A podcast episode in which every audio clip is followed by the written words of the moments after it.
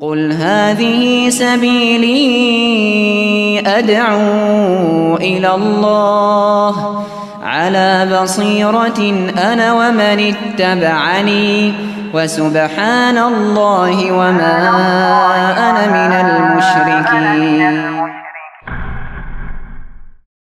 بسم الله الرحمن الرحيم السلام عليكم ورحمة الله وبركاته وعليكم السلام الحمد لله والصلاة والسلام على رسول الله وعلى آله wa man tabi'ahum bi ihsanin ila yaumiddin. Allahumma inna nas'aluka ilman nafi'a wa rizqan thayyiba wa amalan mutaqabbala. Sekarang kita masuk pembahasan sifat salat Nabi SAW pertemuan ke-19 halaman 184 di kitab terjemahan tentang sujud di atas tanah, as-sujud alal ardi wal hasir. Sujud di atas tanah dan tikar. Nanti kita akan lihat dalil-dalil yang menyebutkan dibolehkan hal ini. Dan ini juga jadi dalil ya boleh sholat di atas sejadah. Kalau di atas tikar boleh, sajadah juga boleh. Karena sebagian orang ada yang membid'ahkan hal ini namun tidak tepat. Kita lihat dari pembahasan Nabi sujud di atas tanah. Sujud di atas tanah dan tikar. Nabi Wasallam biasa sujud di atas tanah. Para sahabat beliau berjamaah sholat dengan beliau ketika cuaca panas. Bila ada yang tidak sanggup menekan dahinya ke tanah, dia membentangkan kainnya lalu sujud di atas kain tersebut. Nabi pernah bersabda, Bumi seluruhnya dijadikan sebagai masjid dan alat bersuci bagiku dan seluruh umatku. Oleh karena itu, di mana saja seseorang dari umatku menemui waktu sholat, tempat itulah yang menjadi masjidnya dan di situlah alat bersucinya. Umat-umat sebelumku, umat-umat sebelumku begitu mengagungkan tempat ibadah. Mereka hanya melakukan sholat di gereja-gereja dan kuil-kuil. Uh, yang pertama tadi para sahabat ketika berjamaah, ketika cuaca panas tidak sanggup sujud dengan menempelkan dahinya ke tanah, akhirnya ambil kain. Lalu sujud di atas kain tersebut. Berarti ini dalil boleh sujud di atas tikar, boleh sujud di atas sajadah.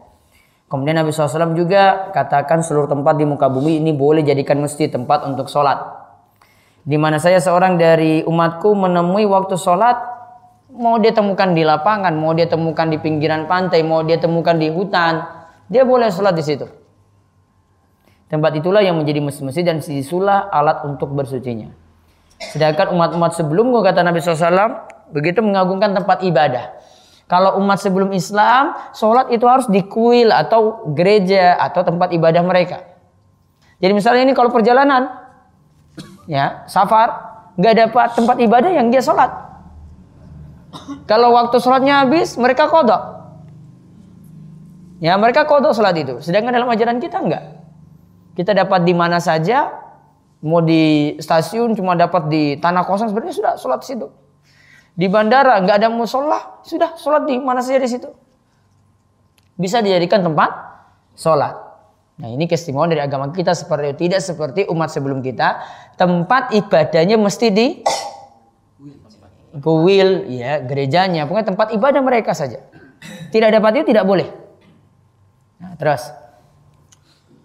Terkadang beliau Shallallahu Alaihi Wasallam sujud di atas tanah yang becek. Hal ini terjadi pada saat sholat subuh tanggal 21 Ramadan. Sholat subuh tanggal 21 Ramadan ya. Ketika itu hujan Ketika itu turun hujan di atap di atap masjid yang terbuat dari pelepah kurma bocor sehingga Nabi Shallallahu Alaihi Wasallam sujud di atas tanah yang becek. Abu Sa'id Al-Khurdi menceritakan, saya melihat dengan mata kepala sendiri pada kening dan hidung Rasulullah Shallallahu Alaihi Wasallam terlihat bekas lumpur. Saya melihat dengan mata kepala sendiri pada kening dan hidung ada bekas lumpur. Berarti kening dan hidung nempel. Dan juga ini tanda langsung sujudnya di tanah. Yang tadi membid'ahkan pakai e, sajadah tadi di antaranya harus Ali. Yang awal dulu saya pernah sebutkan. Ya mantan kiai NU yang tobat itu loh. Ya. Nah, dia membid'ahkan ini juga. Dasarnya pakai dalil kayak gini, namun dia tidak lihat tadi dalil apa? Yang memerintahkan masih boleh sholat di pakai kain. Ya. Sehingga dia membid'ah- membid'ahkan itu. Tidak tepat. Terus Terkadang Nabi Shallallahu Alaihi Wasallam sholat di atas umrah sejenis tikar selebar sapu tangan. sejenis tikar. Ya, ini jadi dalil sholatnya di atas tikar. Jadi boleh. Terus atau di atas tikar yang kecil. atau di atas tikar yang kecil alal hasir. Ya, terus. Nabi Shallallahu Alaihi Wasallam pernah sujud di, di alas tikar yang menjadi hitam karena lamanya dipakai. Tikarnya yang jadi hitam karena sering kalinya dipakai. Nah, itu jadi dalil boleh sholat di tanah dan boleh sholat di pakai sejadah, boleh sholat pakai tikar, boleh sholat pakai kain. Masih dibolehkan. Namun dengan catatan nanti kalau ini dipakai di masjid, yang nggak pakai jadikan sejadah sebagai space untuk sholat, ya ini wilayah saya, kamu nggak boleh injak sejadah saya. Kadang kayak gitu kan, akhirnya nggak rapat kan gara-gara sejadah tadi. Harusnya tetap rapat. Rapat yang dipentingkan bukan urusan sejadah-sejadah tadi. Ya, karena ada yang maksud harus sejadah ya untuk menandakan itu tempat sholatnya nggak boleh di situ diinjak. Nah ini keliru. Ya, ini keliru dalam masalah ini. Nah, terus sekarang bangkit dari sujud. Tadi sudah sujud, sekarang bangkit dari sujud. Bangkit dari sujud. Nabi Shallallahu Alaihi Wasallam bangkit dari sujudnya seraya bertakbir. Beliau Shallallahu Alaihi Wasallam memerintahkan berbuat demikian orang yang sholatnya salah sebagaimana sabdanya. Nah, lihat dulu. Kemarin turun sujud, takbir enggak? Takbir. Ini jadi dalil bangkitnya juga takbir.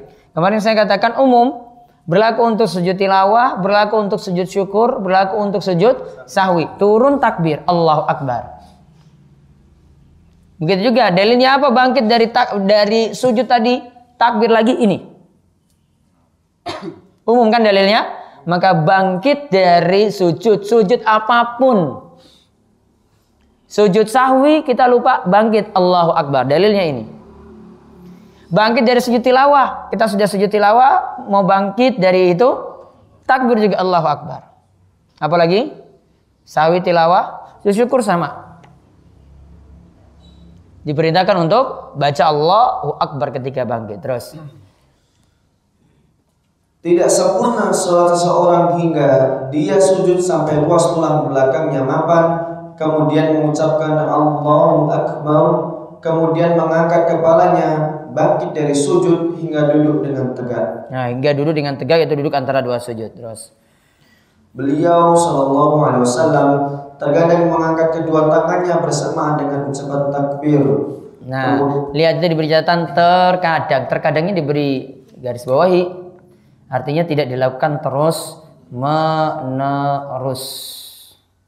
Terus. Kemudian beliau Shallallahu Alaihi Wasallam membentangkan kaki kirinya. Kemudian beliau Shallallahu Alaihi Wasallam duduk di atas telapak kaki kirinya dengan tenang. Ya, terus. Beliau Shallallahu Alaihi Wasallam pun menyuruh berbuat demikian orang yang sholatnya salah sebagaimana sabdanya. Apabila engkau sujud, sujudlah dengan menekan. Dan apabila engkau bangkit dari sujud, duduklah kamu di atas paha telapak kaki kiri. Nah, lihat tadi yang duduk cara duduknya tadi duduk iftirosh ya. Membentangkan kaki kiri ya, ke dalam maksudnya. Kemudian beliau duduk di atas telapak kaki kirinya itu. Kaki kanannya ditegakkan berarti. Itu namanya duduk iftirash. Jadi ini duduk asalnya. Jadi asalnya seperti itu untuk duduk antara dua sujud. Nah nanti ada eh, pembahasan nanti ketika kita tahiyat nanti pembahasan iftirash dan tawaruk. Terus Beliau Shallallahu Alaihi Wasallam menegakkan telapak kaki kanannya dan menghadapkan jari-jari kanannya ke kiblat. sama seperti apa kemarin? Sujud sujud kan? Berarti kakinya ditekuk gini. Lalu kaki kanannya ditegakkan, kaki kiri dibentangkan di bawah dan diduduki. Beri catatan ini namanya duduk iftirash. Yang tadi disebutkan dalam hadis-hadis ini namanya duduk iftirash.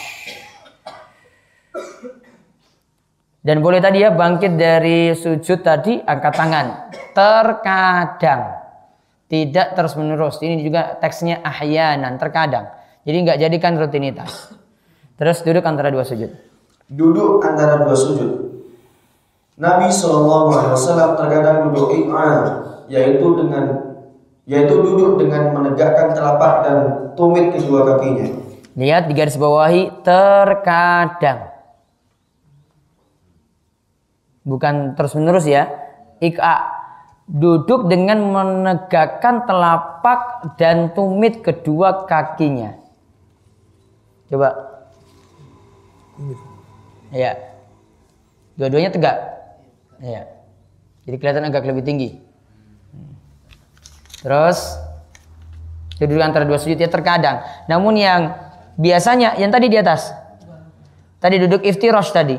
Kalau ini ahyanan. Terkadang. Kalau yang biasa tadi di atas.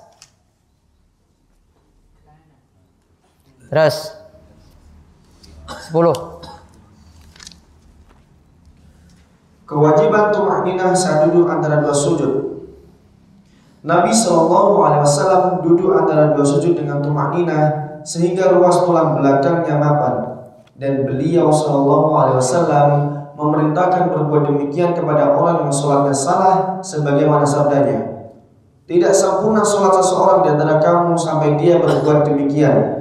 Beliau memperlama duduknya hingga hampir sama lamanya dengan sujudnya. Nah lihat sujud dengan duduk itu tadi hampir sama lamanya. Ya terus. Terkadang beliau Shallallahu Alaihi Wasallam diam lama sampai ada orang yang menyangka beliau lupa. Sampai ada yang mengatakan koordinasi ya. Oh jangan-jangan Nabi SAW ini lupa kok lama sekali. Berarti memang sujudnya lama dan di antara dua sujudnya juga mendekati sujudnya tadi. Terus sekarang 11 doa-doa ketika duduk antara dua sujud. Perhatikan di sini. Ketika duduk ini Nabi SAW membaca doa-doa berikut. Ada berapa nih? Satu, dua. Dua. Dua. Allahum, Allahumma atau Rabbi. Allahumma kfirli atau Rabbi kfirli. Warhamni wajburni.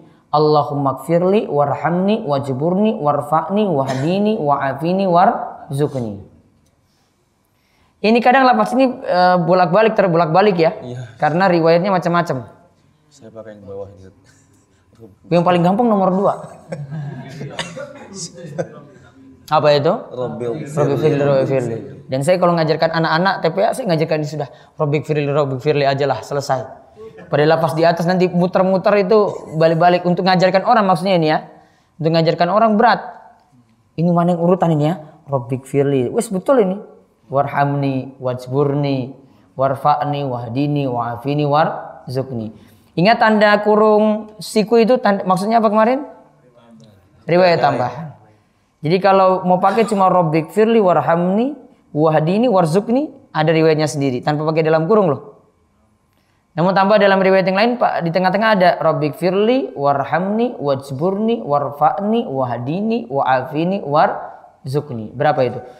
Firli satu, Hamni dua, Zuburni tiga, empat, lima, enam, tujuh yang diminta. Tambah wa'afani, wa'afini di tengah-tengah. Nah beliau terkadang mengucapkan kedua doa tersebut sekaligus ketika melakukan sholat lain. Dua doa tadi berarti digabung. Nah kalau ini baru ada keterangan gabung gabung. Ya, ada keterangan gabung gabung. Karena yakuluhuma. Oh, Maaf, ini bukan gabung sekaligus. Karena yakuluhuma fi sholatil lail. Dua bacaan itu Nabi pakai dalam sholat malam, namun bukan digabung. Cuma kadang pakai ini, kadang pakai itu. Tetap satu-satu. Namun ini dipakai dalam sholat malam. Ya, jadi beri catatan tetap satu-satu. Bukan maksudnya kalau ini kan artinya kedua doa tersebut sekaligus. Kata sekaligusnya dihilangkan saja. Kan di sini teksnya cuma wakana yakulu ma fi salatil lail. Nabi mengucapkan dua doa tadi dalam sholat malamnya. Bukan maksudnya dua-duanya. Namun sendiri-sendiri. Kadang pakai Rabbik firli, Rabbik firli. Kadang pakai Rabbik firli, warhamni, wajburni, warfa'ni, wahdini, wa'afini, warzukni. Selanjutnya beliau bertakbir dan bersujud untuk yang kedua kalinya. Jadi takbir lagi untuk sujud kedua kalinya ya.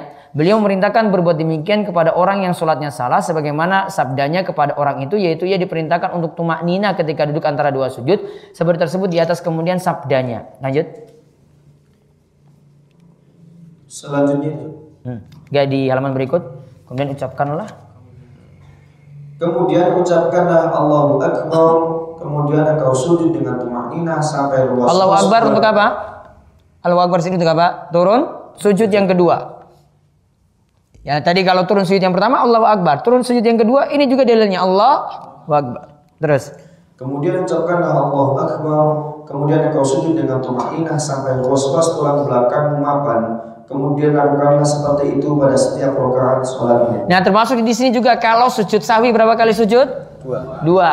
Maka turun yang pertama Allahu Akbar, bangkit lagi Allahu Akbar. Itu duduk antara dua sujud, namun tidak ada bacaan sebenarnya.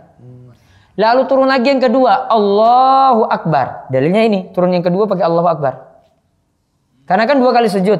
Nah turun yang kedua juga pakai Allahu Akbar. Bangkitnya lagi pakai dalil yang tadi bangkit dari sujud Allahu Akbar lagi. Kalau sujud sahwi ya, ingat sujud sahwi berapa kali? Dua, kali, bukan sekali. Dua kali sujud, turun, duduk lagi, turun lagi, duduk, salam. Terus, Nabi Shallallahu Alaihi Wasallam terkadang mengangkat kedua tangannya seraya mengucapkan takbir. terkadang berarti kan? Terkadang dari bangkit dari sujud itu angkat tangan. Prakteknya gimana coba? Nah, terus ini kan masih bangkit dari sujud. Maaf, Nabi SAW terkadang mengangkat kedua tangannya. Oh, maksudnya turun sujud yang kedua ya? Turun sujud yang kedua angkat tangan. Nah, terus lanjut. Beliau Shallallahu Alaihi Wasallam melakukan sujud kedua seperti yang dilakukan pada sujud pertama. Kemudian bangkit sambil mengucapkan takbir. Beliau Shallallahu Alaihi Wasallam memerintahkan hal seperti ini kepada orang yang sholatnya salah, sebagaimana sabdanya kepada orang tersebut setelah menyuruh dia melakukan sujud yang kedua dengan sabdanya. Kemudian angkatlah kepalamu lalu bertakbirlah. Berarti bangkit dari sujud kedua juga takbir dalilnya ini. Terus. Sabdanya Shallallahu Alaihi Wasallam kemudian lakukanlah seperti ini pada setiap kali rukuk dan sujud. Apabila engkau telah melakukan seperti itu, sempurnalah sholatmu. Ya, terus. Jika kamu mengurangi sedikit saja hal tersebut, berarti engkau telah mengurangi sholatmu. Beliau terkadang mengangkat kedua tangannya sambil bertakbir. Ya. Nah, sekarang lihat duduk istirahat. Tadi juga terkadang ya angkat kedua tangan sambil bertakbir. Cuma terkadang. Terus Duduk istirahat. Nah, duduk istirahat ini maksudnya kita sekarang sudah sujud kedua. Mau bangkit ke rakaat kedua. Tadi kan rakaat pertama. Mau bangkit ke rakaat kedua. Apakah langsung tangan itu kita angkat, kita eh, mau bangkit langsung berdiri ataukah pakai selang waktu dulu untuk duduk istirahat baru bangkit. Nah, di sini dibahas.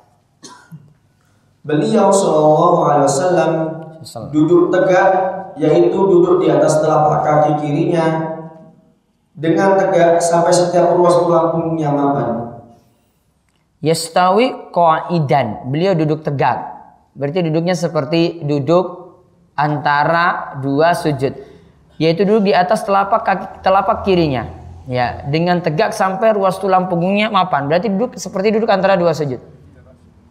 Iftirash. Namun ini cuma keadaan sebentar. Sebagian ulama tidak menyetujui hal ini, sebagian ulama masukkannya seperti Syekh Albani. Namun yang tepat dalam masalah ini seperti mazhab Syafi'i sama dengan pendapat ini, duduk istirahat tetap ada pensyariatannya. Ya, jadi kalau mau ke rakaat kedua, rakaat pertama ke dua itu duduk istirahat dulu baru bangkit. Iftirash. Iftirash. Iftirash. Ya, jadi Allahu Akbar kakinya duduk dulu baru dia bangkit. Namun nanti biar imam itu nggak membuat jamaah lebih cepat karena imam pakai duduk istirahat, nanti dia duduk istirahat dulu baru mau angkat ke atas baru dia takbir Allahu Akbar. Kalau enggak nanti jamaah lebih cepat karena ada jamaah yang tidak pakai duduk istirahat. Terus. Bertumpu pada tangan saat bangkit ke rakaat berikutnya. Terus. Kemudian Nabi Shallallahu Alaihi Wasallam bangkit ke rakaat kedua dengan tangan bertumpu ke tanah. Ya, cuma dikatakan tangan bertumpu ke tanah. Terus. Nabi Shallallahu Alaihi Wasallam melakukan ajan ketika sholat, yaitu berdiri ke rakaat berikutnya bertumpu pada kedua tangannya. Ya, terus. Ketika telah berdiri pada rakaat kedua, Nabi Shallallahu Alaihi Wasallam mengawali bacaan dengan Alhamdulillah tanpa diam lebih dahulu. Tanpa diam terlebih dahulu. Terus Pada rakaat kedua ini Nabi Shallallahu Alaihi Wasallam melakukan seperti yang beliau lakukan pada rakaat pertama. Hanya saja bacaannya lebih pendek. asalnya bacanya lebih pendek. Lihat bangkitnya di sini mau dikepal atau dibuka. Di sini tidak dijelaskan secara spesifik. Cuma dikatakan ajen bertumpu pada tangan. Mau dikepal boleh, mau dibuka seperti ini juga boleh. Tidak disebutkan secara rinci kan di sini? Tidak ya? Maka dua-duanya boleh. Kemudian yang dalil yang terakhir tadi menunjukkan Nabi SAW ketika bangkit langsung Alamin. Tanda Nabi SAW tidak jaharkan Bismillah. Dan beliau tidak beliau katakan di sini dalil ini menunjukkan tanpa diam lebih dahulu. Ini jadi dalil sebagian ulama bahwasanya langsung mulai baca Bismillah atau Alhamdulillah tidak pakai ta'awudz lagi. Seperti pendapat dari Imam Ash-Shawqani dalam Nail Autar. Langsung mulai dengan Bismillah. Namun ulama yang lainnya katakan pakai ta'awud setiap rokaat. Dikarenakan memulainya itu sudah ganti lagi dengan memulai surat baru. Ya, padahal kita diperintahkan fa idza qara'tal Qur'an fasta'iz billah. Jika engkau membaca Al-Qur'an maka bertawudzulah. Sedangkan ini kita mulai lagi. Maka mulai lagi dengan ta'awudz. Ya, intinya kalau masih ada waktu untuk baca ta'awudz, baca ta'awudz saja. Baru masuk bismillah, baru masuk surat Al-Fatihah. Kemudian pada rakaat kedua tidak lebih lama, artinya lebih pendek daripada rakaat yang pertama. Rakaat pertama panjang. Turun lagi ke rakaat kedua, turun lagi ke rakaat ketiga dan seterusnya. Seperti itu keadaannya. Terus Kewajiban membaca Al-Fatihah pada setiap rakaat. Nabi Shallallahu Alaihi Wasallam telah memerintahkan orang yang sholatnya salah untuk membaca Al-Fatihah pada setiap rakaat sebagaimana beliau Shallallahu Alaihi Wasallam sabdakan kepada orang ini setelah yang bersangkutan membaca Al-Fatihah pada rakaat pertamanya. Sabdanya, kemudian lakukanlah seperti itu pada seluruh sholatmu. Berarti kalau di rakaat pertama baca Al-Fatihah, ini juga baca Al-Fatihah. Terus Dan pada riwayat lain disebutkan pada setiap rakaat dalam sholatmu. fi kulli rokaatin kiroatun. Pada setiap rokaat ada bacaan. Ya ini yang dalil paling akhir ya. Sabdanya pula fi kulli rokaatin kiroatun. Setiap rokaat itu ada bacaan. Maksudnya bacaan Al-Fatihah. Jadi diulang terus setiap rokaatnya. Jadi rukun. Rukun mengulang Al-Fatihah di setiap rokaat. Sedangkan bacaan setelah Al-Fatihah masuk sunnah. Nah sekarang kita masuk tasyahud awal. Ya, baca. Tasyahud awal. Duduk tasyahud. Nabi Shallallahu Alaihi Wasallam kemudian duduk tasyahud setiap rakaat kedua. Bila bila sholat yang dilakukannya hanya dua rakaat seperti sholat subuh, beliau duduk iftirash, Ya. duduk di atas telapak kaki kiri yang dihamparkan dan telapak kaki kanannya ditegakkan, yaitu seperti ketika duduk antara dua sujud. Iya. Begitulah cara dulu tasyahud awal dalam sholat tiga rakaat atau empat rakaat. Nabi Shallallahu Alaihi Wasallam menyuruh berbuat demikian orang yang sholatnya salah sebagaimana sabdanya. Bila kamu duduk di pertengahan sholat, hendaklah kamu tumakninah dan hamparkanlah paha telapak kaki kirimu, kemudian bacalah tasyahud. Ya. Abu. Hurairah radhiyallahu anhu berkata, sahabat karibku Nabi Shallallahu alaihi wasallam telah melarangku duduk ikra seperti ikra ikra-nya anjing. Nah ini tidak boleh dilakukan ketika tahiyat awal. Terus Pada riwayat lain disebutkan Nabi melarang duduk seperti duduknya setan. Nabi melarang duduknya seperti duduknya setan ya. Terus Apabila duduk tasyahud, Nabi Shallallahu alaihi wasallam meletakkan telapak tangan kanannya di atas paha kanannya. Dalam riwayat lain disebutkan pada lutut kanannya dan meletakkan telapak tangan kirinya pada paha kiri. Pada riwayat lain disebutkan lutut kirinya.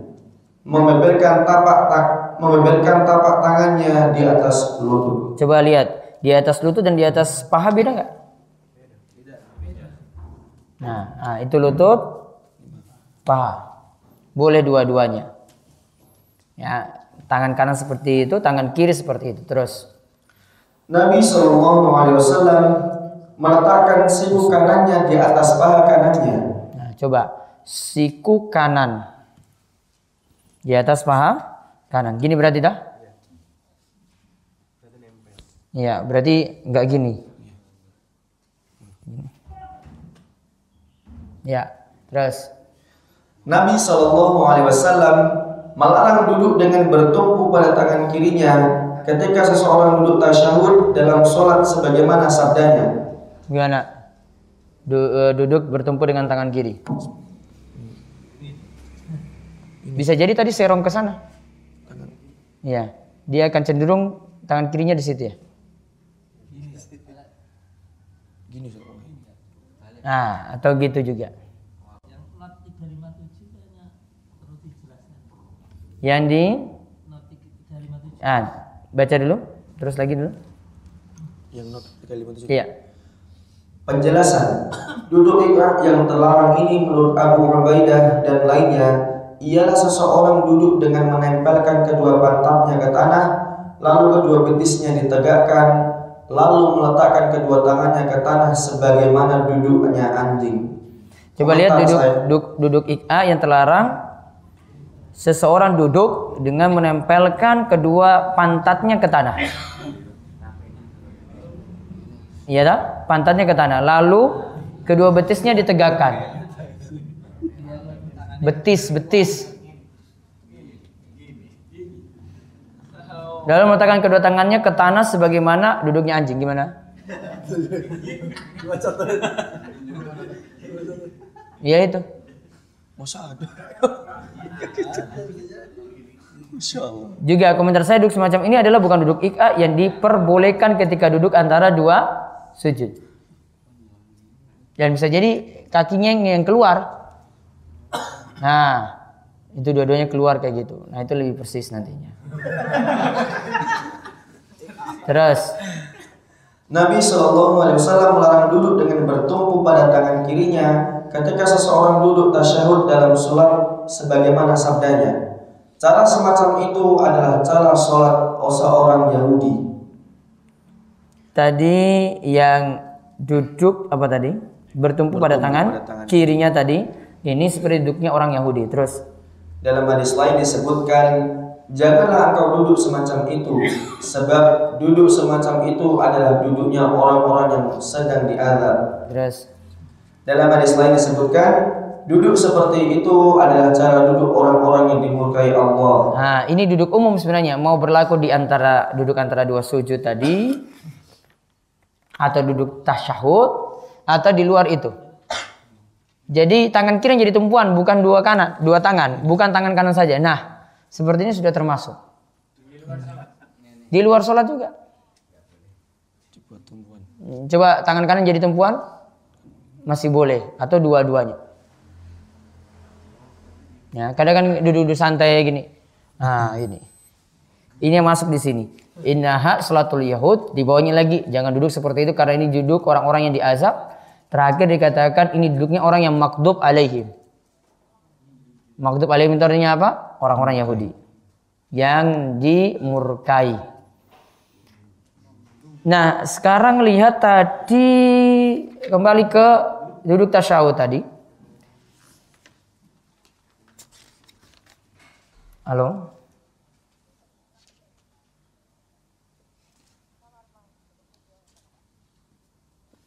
Dia juga ngomong sendiri gitu.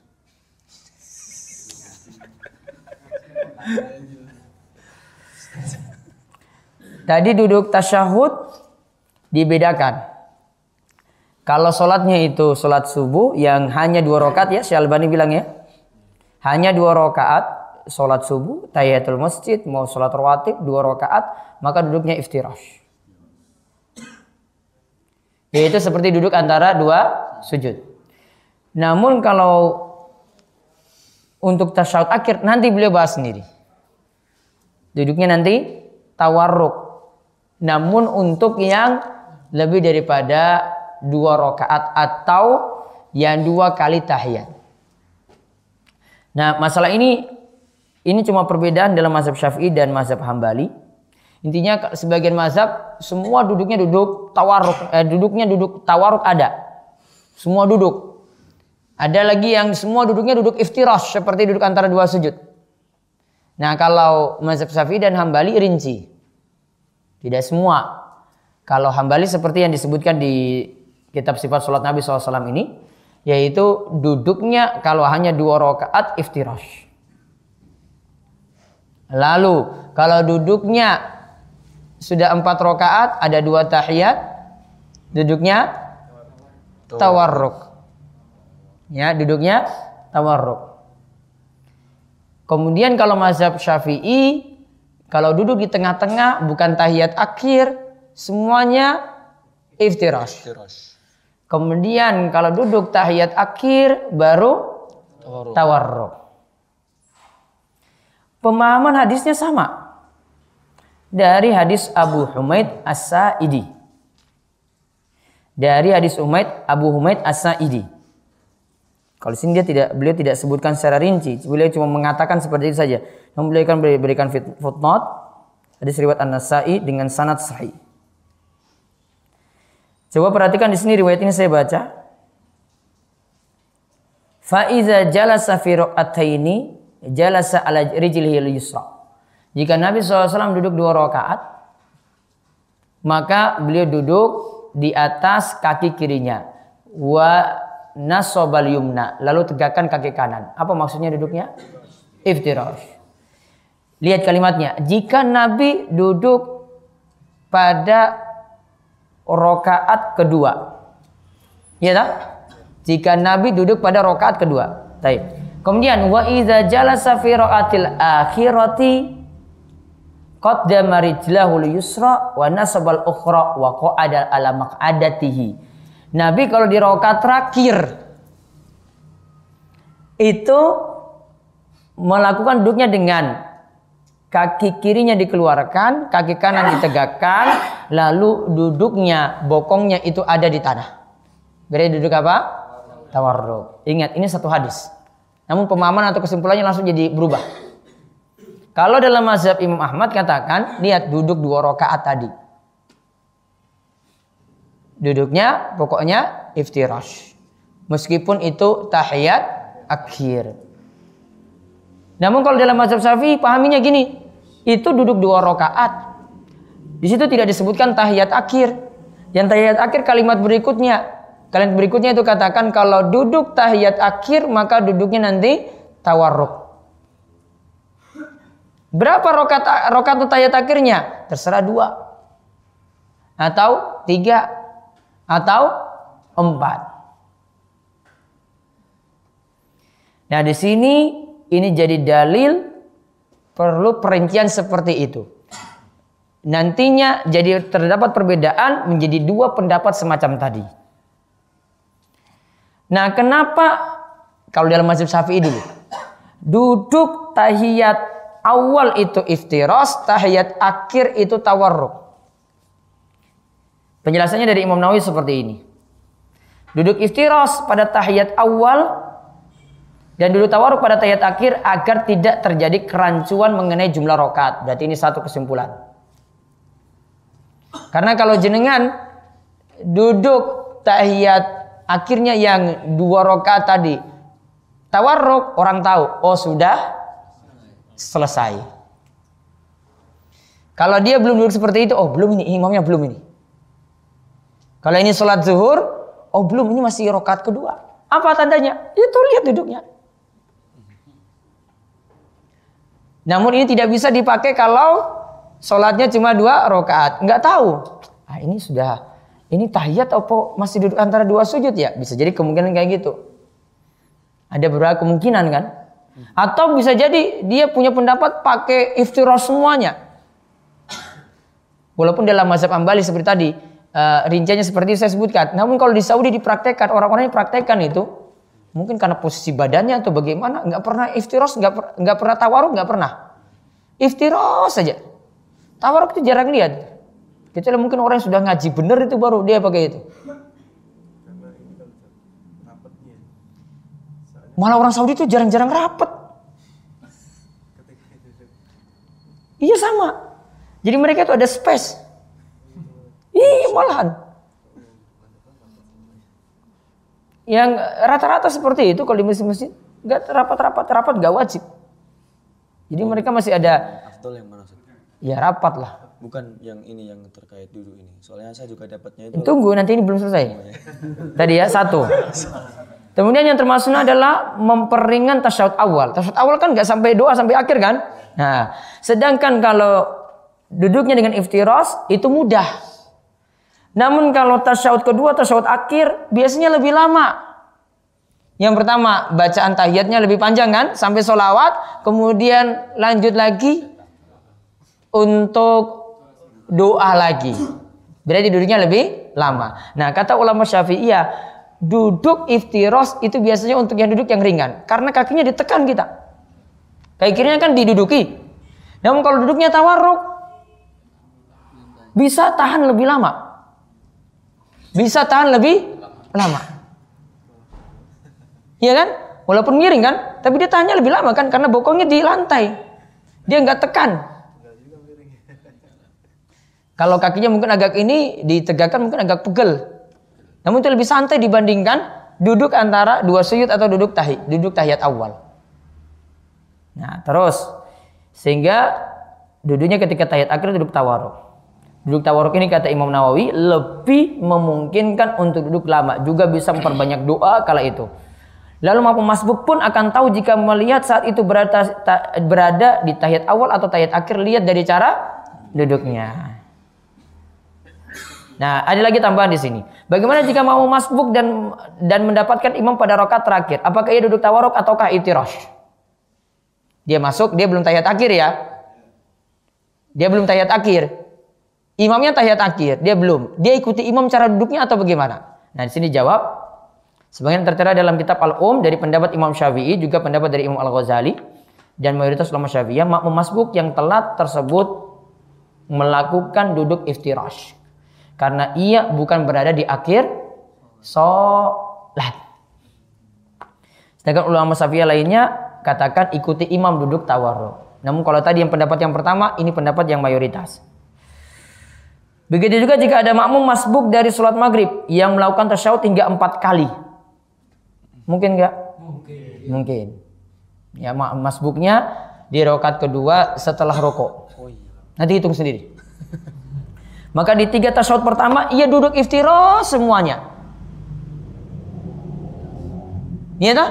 Tiga yang pertama iftirash semuanya. Lalu yang terakhir tasyahud akhirnya baru duduk tawarruk. Nah, kesimpulannya kalau dalam mazhab Syafi'i seperti tadi. Ya. Pendalilannya sama ingat, pendalilannya sama dan di sini Syekh Albani tidak mengulas lengkap di sini. Beliau cuma simpulkan. Namun hadisnya dari Abu Humaid As-Sa'idi kesimpulannya akhirnya jadi bercabang tadi. Namun kalau secara tekstual Nabi SAW tadi cuma dikatakan kalau dua rakaat iftirash, namun kalau rakaat akhir tawarruk. Rakaat akhirnya bagaimana? Yang dua, yang tiga, yang empat. Ya rahmukallah. Dan di sini nanti jenengan nggak perlu bingung ketika bagaimana kalau sholat witirnya langsung tiga rakaat. Karena tahiyatnya cuma sekali loh ini. Iya, itu. Ya, kesimpulannya langsung kalau pakai pendapat Syafi'i tawaruk. Bagaimana kalau saya sholat malam langsung empat rakaat salam tawaruk? Dia nggak bingung dengan jumlah rakaat. Nanti kalau sholat maghrib yang tiga karena ini ada dua tahiyat baru nanti tahiyat awal iftirash tahiyat akhir tawaruk. Paham ini? Jadi dari sisi kesimpulan pendalilannya sama dan kalau dari mazhab Syafi'i sendiri lebih simpel untuk penjelasan. Dan memahamkan orang lebih gampang. Ya, memahamkan orang itu lebih gampang dan logikanya lebih masuk. Oh, duduk lebih lama itu lebih butuh tawarruk daripada iftirash. Ini cuma ada di tahiyat akhir. Kemudian juga untuk membedakan ini sudah awal atau akhir bisa dibedakan dengan iftiras atau tawarruk tadi. Sudah? Nah, saya pernah bikin tulisan ini, kesimpulannya sama seperti itu. Disanggah juga dengan oleh dokter, ya, Ustadz Firanda sanggah juga, ya saya tetap seperti itu. Ustaz apa Ustaz Aris Munandar juga gitu Ustaz. Apa? Kalau saya tanya Ustaz Aris Munandar juga kalau sholatnya dua rakaat sholat subuh gitu duduknya iftirash. Ini dalilnya. Enggak apa-apa menyelisih guru. kan saya sapi. Enggak apa. Hah? Ini dalilnya kan sama sebenarnya. Kesimpulannya yang bercabang. Wong saya juga bahas panjang lebar kok. Kalau disanggah oleh dokter kan berarti eh, ilmunya sudah ini kan. Oh, udah sudah dia sanggah berarti ya sudah masuk. Bosnya panjang lebar ya padahal itu susunya susah itu. Nah, sudah sekarang menggerakkan jari telunjuk ketika duduk tasyahud. Nah, lanjut. Menggerakkan jari telunjuk ketika duduk tasyahud. Nabi Shallallahu Alaihi Wasallam meletakkan telapak tangan ke kiri kirinya di atas lutut kirinya dengan mengembang. Tetapi beliau Shallallahu Alaihi Wasallam menggenggam semua jari tangan kanannya dan mengacungkan telunjuknya ke kiblat dan mengarahkan pandangan mata ke telunjuknya. Ya, lihat berapa poin di sini. Meletakkan telapak tangan kirinya di atas lutut kiri dengan mengembang, artinya dibuka gini.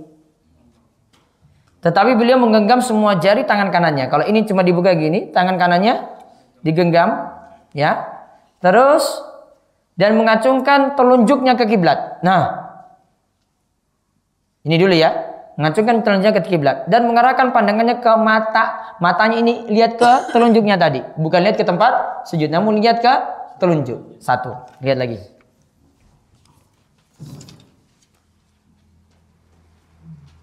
Lanjut yang ini.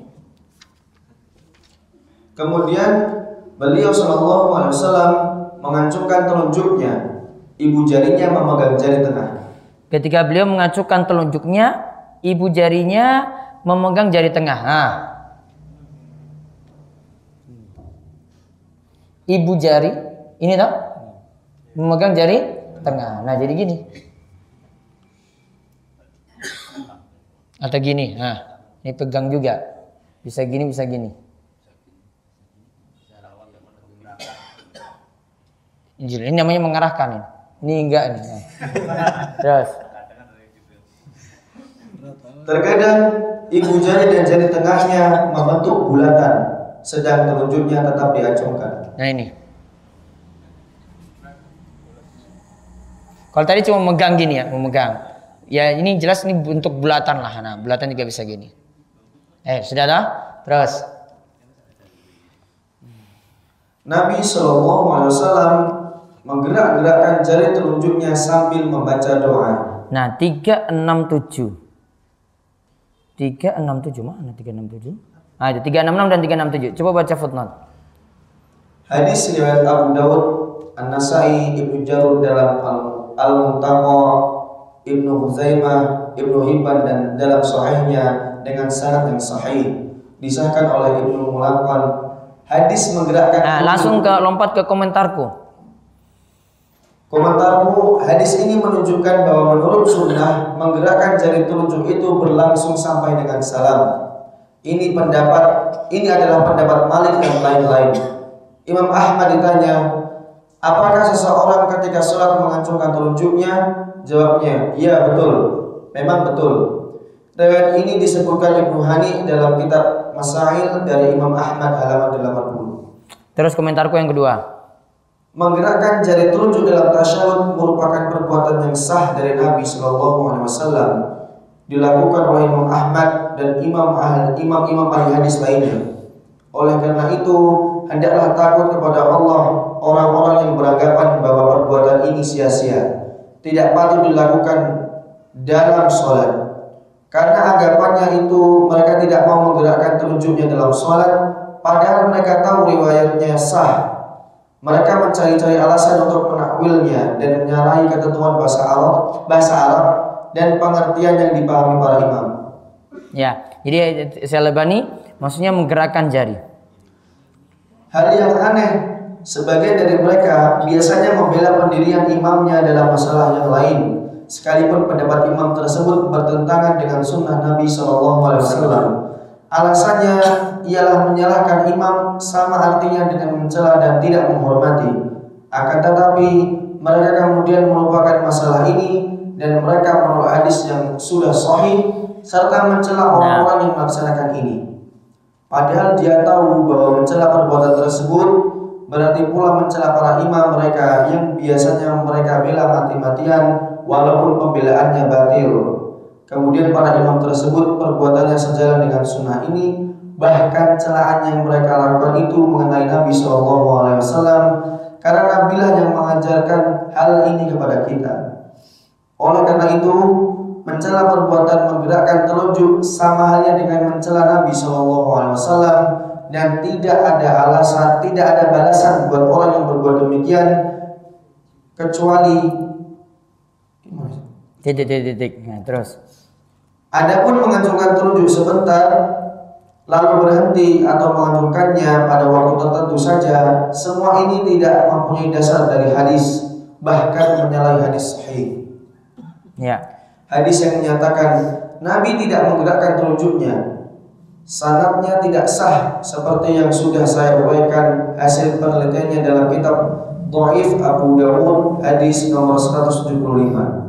Sekiranya hadis ini sah, isinya menyangkal adanya mengacungkan telunjuk dalam kaidah ditetapkan menetapkan didahulukan dari menyangkal seperti yang dikenal oleh para ahli fikih. Jadi keterangan menyangkal tidak dapat dijadikan hujjah. Nah, taib. Jadi Syekh Albani itu mensahihkan riwayat ini. Ini sebenarnya perselisihan dari riwayat sebenarnya. Jadi beliau ya sudah sahihkan yang ngotot. Ya, memang seperti itu sikap yang benar. Jadi tetap berpegang dengan yang benar yang beliau itu yakini hasil penelitian dari beliau. Uh, namun para ulama yang menolak ini karena menganggap hadis menggerakkan jari naik turun seperti ini itu hadis yang sats. Bukan menolak hadis sahihnya. Ya. Sats itu artinya menyelisih riwayat yang lebih kuat. Riwayat tentang hal ini itu ada dari berbagai macam riwayat Simpelnya kalau mau diterangkan, ini ada 20 orang itu dengar hadis. Riwayat Sats ya, saya terangkan riwayat Sats ya. Semuanya perawi yang kuat. Nabi SAW cuma menerangkan, beliau berisyarat dengan jarinya ketika tahiyat. Tet. Satu perawi datang. Dia katakan, dia tambahkan, Nabi SAW menggerakkannya. Namun yang 19 itu katakan tidak. Cuma mengatakan ini di acungkan saja. Namun yang lainnya, yang satu ini cuma satu ini, katakan itu digerakkan. Nah, yang namanya riwayat sats itu semua perawinya kuat. Namun ada satu perawi yang dalam hal ini menyelisihi. Memang riwayat lain tidak katakan Nabi tidak gerakan ini, tidak kita katakan seperti itu. Namun yang ini tidak menyebut sampai situ. Yang ini saja yang menyelisihi. Nah aturannya kalau dalam riwayat seperti ini, jika ada perawi kuat menyelisih riwayat yang lebih kuat yang jumlahnya lebih banyak, maka satu ini tertolak. Itu nanti disebut hadis sats. Yang ini sats hadisnya, yang ini yang banyak ini, ini namanya hadis mahfuz. Mahfuz itu terjaga. Sats itu menyelisih riwayat yang lebih kuat. Dia tidak menyelisih riwayat yang doif. Kalau riwayat yang baif itu beda lagi pembahasannya. Namun saat itu menyelisih riwayat yang lebih kuat. Nah sehingga yang jadi kesimpulan ini yang dianggap cuma berisyarat dengan jari saja, yang ini tidak dianggap. Dikatakan riwayatnya itu lemah.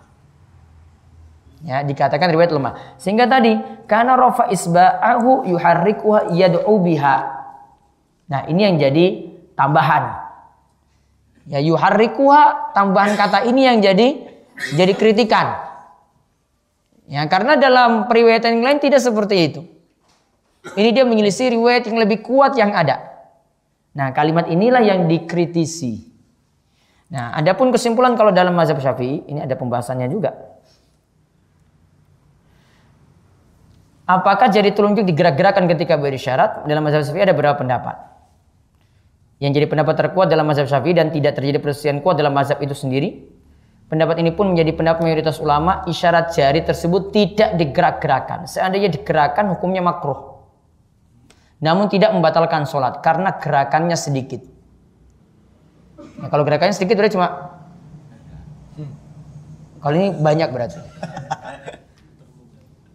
Kemudian yang kedua, pendapat kedua dalam mazhab Syafi'i lainnya menggerakkan jari itu diharamkan. Ya, jika digerakkan sholatnya tidak batal karena juga masih dianggap gerakannya sedikit. Sedangkan ada pendapat lainnya yang mengatakan bahwa haram digerak-gerakan akibatnya membuat sholat itu batal. Pendapat ketiga ini. Namun pendapat terakhir ini pendapat yang sats juga. Maksudnya menyelisih pendapat syafi'iyah lainnya yang lebih kuat. Dan ini pendapat yang lemah. Nah, jadi perbedaannya seperti itu. Ya, ada yang menganggap seperti Syekh Albani tambahan ini diterima. Namun kalau kebanyakan ulama termasuk mazhab Syafi'i menyatakan tambahan ini tidak diterima sehingga tertolak. Maka kalau menurut mazhab yang lainnya doif hadis ini. Jumhur ya. Jumhur itu katakan yang kalimat yuharrikuha itu doif. Wallahu a'lam bishawab. Terus gerakan Berarti yang ini Ustaz ya, mereka nggak suka itu ya, kayak terganggu karena ada dasarnya di situ Iya. memakruhkan ya, dengan haram tadi ya. Iya. Itu dapat dalam bahasa Syafi'i itu. Itu nukilan dari ini Al-Majmu kalau nggak salah. Ya, dari Al-Majmu. Kitab induk soalnya. Kitab induk mazhab Syafi'i. Terus Sampai yang gerakan jari telunjuk. Beliau Shallallahu Alaihi Wasallam bersabda, gerakan jari telunjuk lebih keras dirasakan setan daripada pukulan besi. Sebagian Ya. sahabat Nabi Shallallahu Alaihi Wasallam yang tidak mengetahui perbuatan ini meniru perbuatan sahabat yang mengetahuinya, yaitu menggerakkan telunjuk sambil mengucapkan doa. Nah, mengucapkan doanya itu kapan tadi disebutkan di mana itu? Ketika Nah, ini. Yang mentahui berkata kata-kata berdoa dengan mengacungkan jarinya menunjukkan bahwa hal ini dilakukan di akhir sholat. Ya. Terus Nabi Shallallahu Alaihi Wasallam melakukan perbuatan ini dalam tasyahudnya, tasyahud awal dan tasyahud akhir. berarti berisyarat dengan jari tadi dilakukan tasyahud awal dan tasyahud- akhir. Terus Nabi SAW pernah melihat seorang sahabat berdoa sambil mengacungkan dua jarinya. Lalu sabdanya dua jarinya. itu, Dua jarinya lalu sabdanya kepada orang itu Satu, satu saja, satu saja, seraya mengacungkan jari telunjuk. seraya mengacukan jari telunjuk. Nah ini nih, jangan dibawa ke masalah politis nanti sedikit ada nomor satu, nomor dua nanti pakai dalil kayak gini ini namanya mempermainkan mempermainkan dalil kayak gini. Satu saja, satu saja. ya. Maksudnya nanti kalau ada pemilihan pilkada lagi, jangan jangan pakai dalil ini dong. Ini kan membicarakan tentang apa? Perlu dijelaskan secara spesifik. Nah iya, kalau bawa dalil ini mempermainkan agama nggak boleh. Ya, agama dibawa-bawa nanti. Gak usah dua, satu saja. Dalilnya apa? Ini. Gak boleh mempermainkan agama itu namanya. Iya kan? Namanya Melecehkan hadis itu. Hadis bicara tentang apa? Tentang Eh, iya, bukan bicara tentang pilkada kan? Ini kalau ada yang kayak gini baca kitab ini, wah ini ini dalilnya bisa dipakai nih. Hah? asal comot. Ini cuma cuma dalil itu. Kan kadang ada kayak gitu dipermainkan. Ya. Jadi kesimpulannya cara eh, jari tadi ya. Nah, ini yang satu yang belum diterangkan di sini, sejak kapan jari itu diangkat? Belum ada keterangan kan? Ya, belum ada keterangan. Dalam mazhab Syafi'i ini angkat jari apakah dari awal Ya, nggak ada kan keterangan di sini? Ada yang ketemukan keterangan? Gerakannya dari awal. Iya. Tapi kan tidak disebutkan dalam riwayat khusus kan?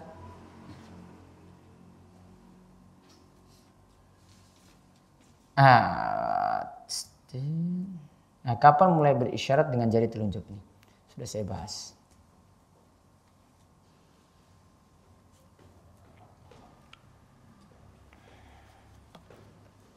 Nah, itu betul.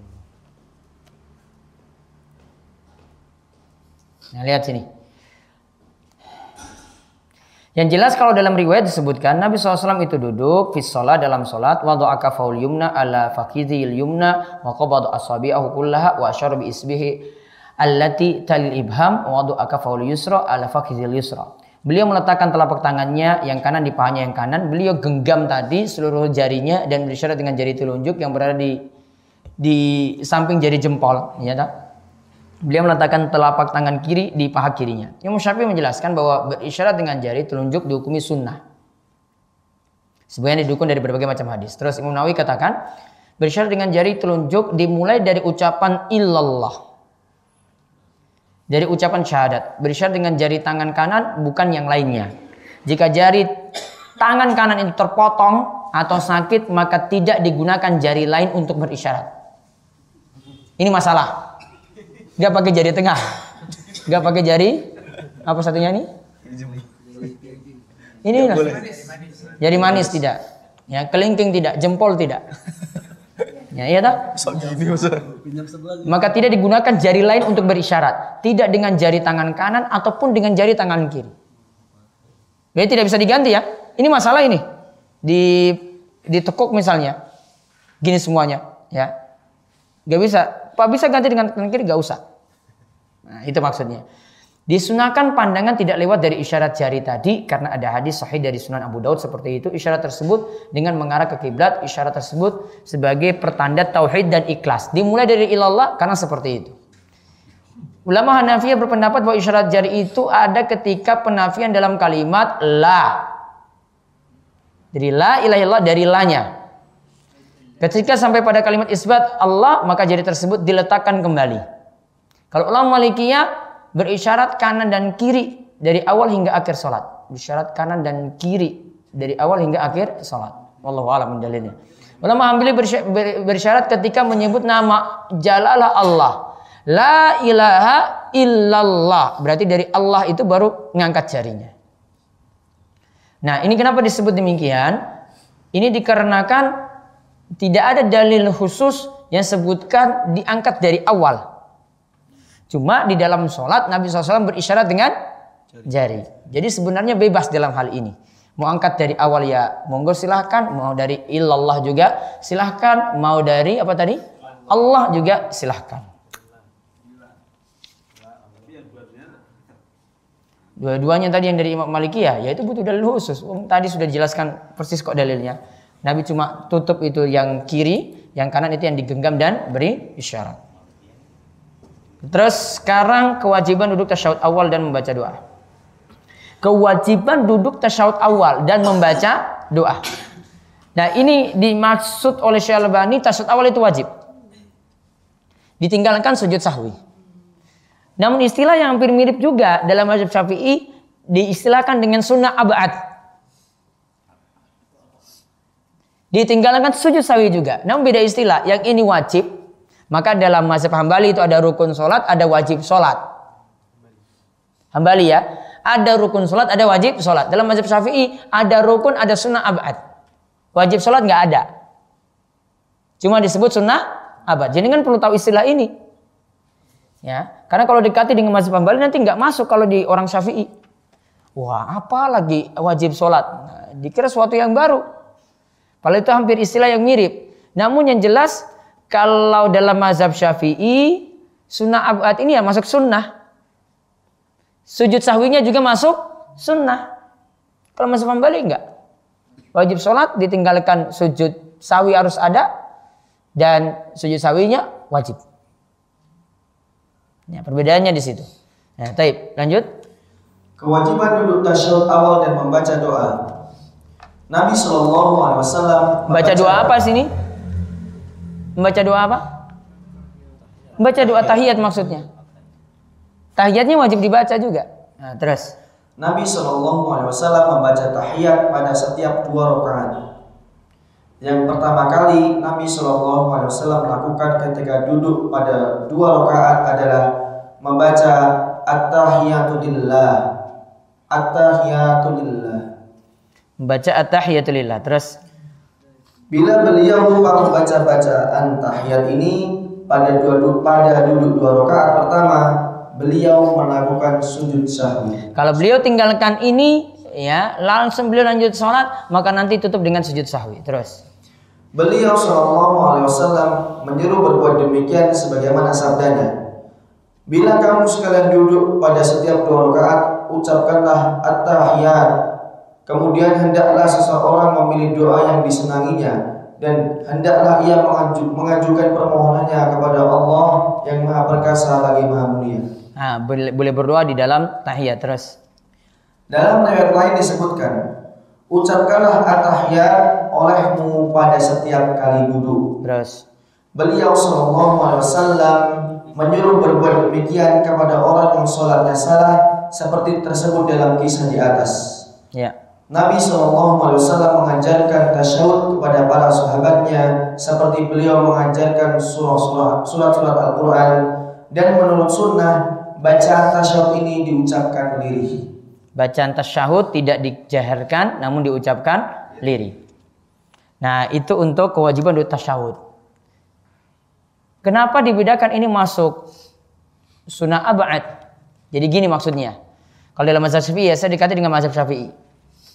Sunnah abad ini ini duduk tahiyat awal di antaranya itu. Termasuk juga bacaannya, bacaan tahiyat awal. Kalau ditinggalkan tadi apa konsekuensinya? Sujud sawi. Contoh kalau kita tinggalkan. Imam duduk tahiyat awal ini, dia lupa. Langsung berdiri ke rakaat ketiga tinggalkan tahiyat awal ini. Apa yang dilakukan oleh imam apakah balik kejar sunnah abad tadi yaitu duduk tahiyat awal ataukah dia teruskan? Ingat kalau sudah berdiri berarti sudah masuk rukun. Sedangkan sunnah abad sunnah. Kaedahnya tidak boleh meninggalkan yang rukun untuk kejar yang sunnah.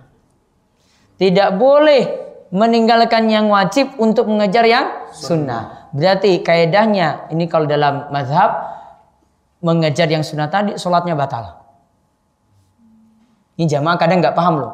Imam wis ora paham, lebih-lebih jamaahnya. Duduk lagi batal. Berarti apa? Diteruskan. Terus kalau jamaah teriak-teriak itu subhanallah ya sudah biarin. Siapa suruh nggak ngaji jamaahnya? Yang bikin batal kan jamaahnya. iya. Wah itu nanti jamaah sebab bingung itu. Di akhirnya ngotot, wah saya duduk tahiyat awal saja. Imam saya salah.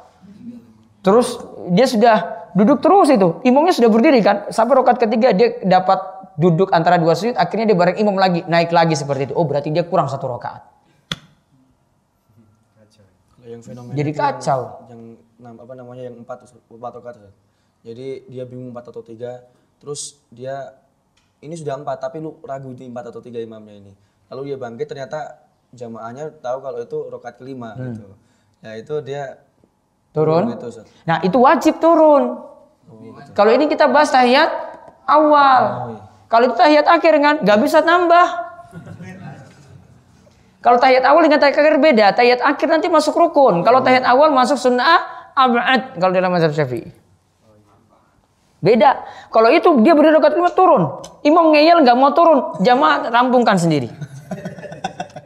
Imam ditinggal. Iya, nggak bisa ikut imam. Ikut imam dalam kondisi nggak boleh. Sudah? Nah, jadi paham nih ya sunawaatnya tadi gimana? Kalau ditinggalkan terus saja. Masalahnya ini tidak ada kesinkronan antara imam dan jamaah nggak connect imamnya sudah paham, jamaah nggak paham. Itu yang memahamkan ini yang sulit. Saya pernah dapat kasus saya sendiri, jamaah nggak paham. Aduh gimana? Sudah saya ngotot aja. Lanjut, saya nggak mau kembali.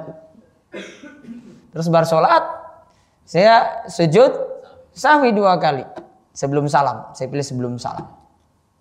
Ya, baru kemudian salam. Ikut juga. Walaupun yang salah itu imam. Wong dia kalau makmum salah saja imam yang nanggung kok. Masa kali ini dia nggak mau ikut imam. Misalnya dia lupa misalnya, harusnya duduk tahiyat kan, dia langsung berdiri ke rakaat ketiga. Kan ada jamaah kayak begitu. Siapa yang nanggung salahnya tadi? Imam. Nah sekarang kalau imam salah, masa dia nggak mau ikuti juga? Ikuti sujud sahwinya saja kan? Bukan ikuti salahnya. Nah, itu sampai di kewajiban duduk tahiyat awal. Kita istirahat dulu 5 menit baru lanjut lagi. Biar kameranya istirahat. Wallahu alam besok. tanganku sebagaimana beliau mengajarkan suatu surat dari Al-Qur'an kepadaku dengan berbunyi tahiyatnya at-tahiyatulillah wassalawatu wa thayyibat Assalamualaikum ayuhan nabi wa rahmatullahi wa barakatuh Assalamualaikum wa ala ibadillahi salihin Fa innahu idza qala dzalika asaba kullu 'abdin salihin fis sama'i wal ard Lalu lanjutkan asyhadu alla ilaha illallah wa asyhadu anna muhammadan abduhu wa rasuluh Tadi itu tambahan riwayat ya karena ada kalimat wa ala ibadillahi solihin. Nah, di situ artinya jika mengucapkan ala ibadillahi solihin, maka doa tadi berlaku untuk setiap orang soleh di langit dan di bumi. Maka orang-orang soleh akan didoakan juga oleh orang yang sholat yang lainnya. Ya, orang soleh itu apa?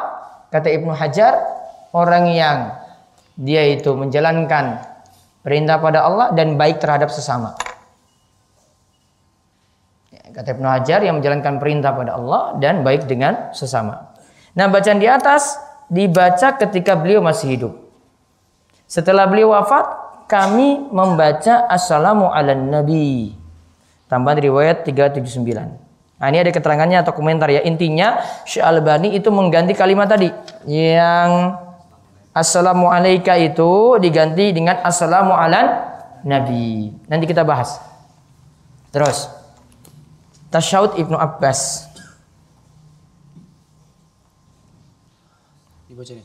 Sebentar, ini perlu diganti atau tidak? Ini ada fatwa lajnah.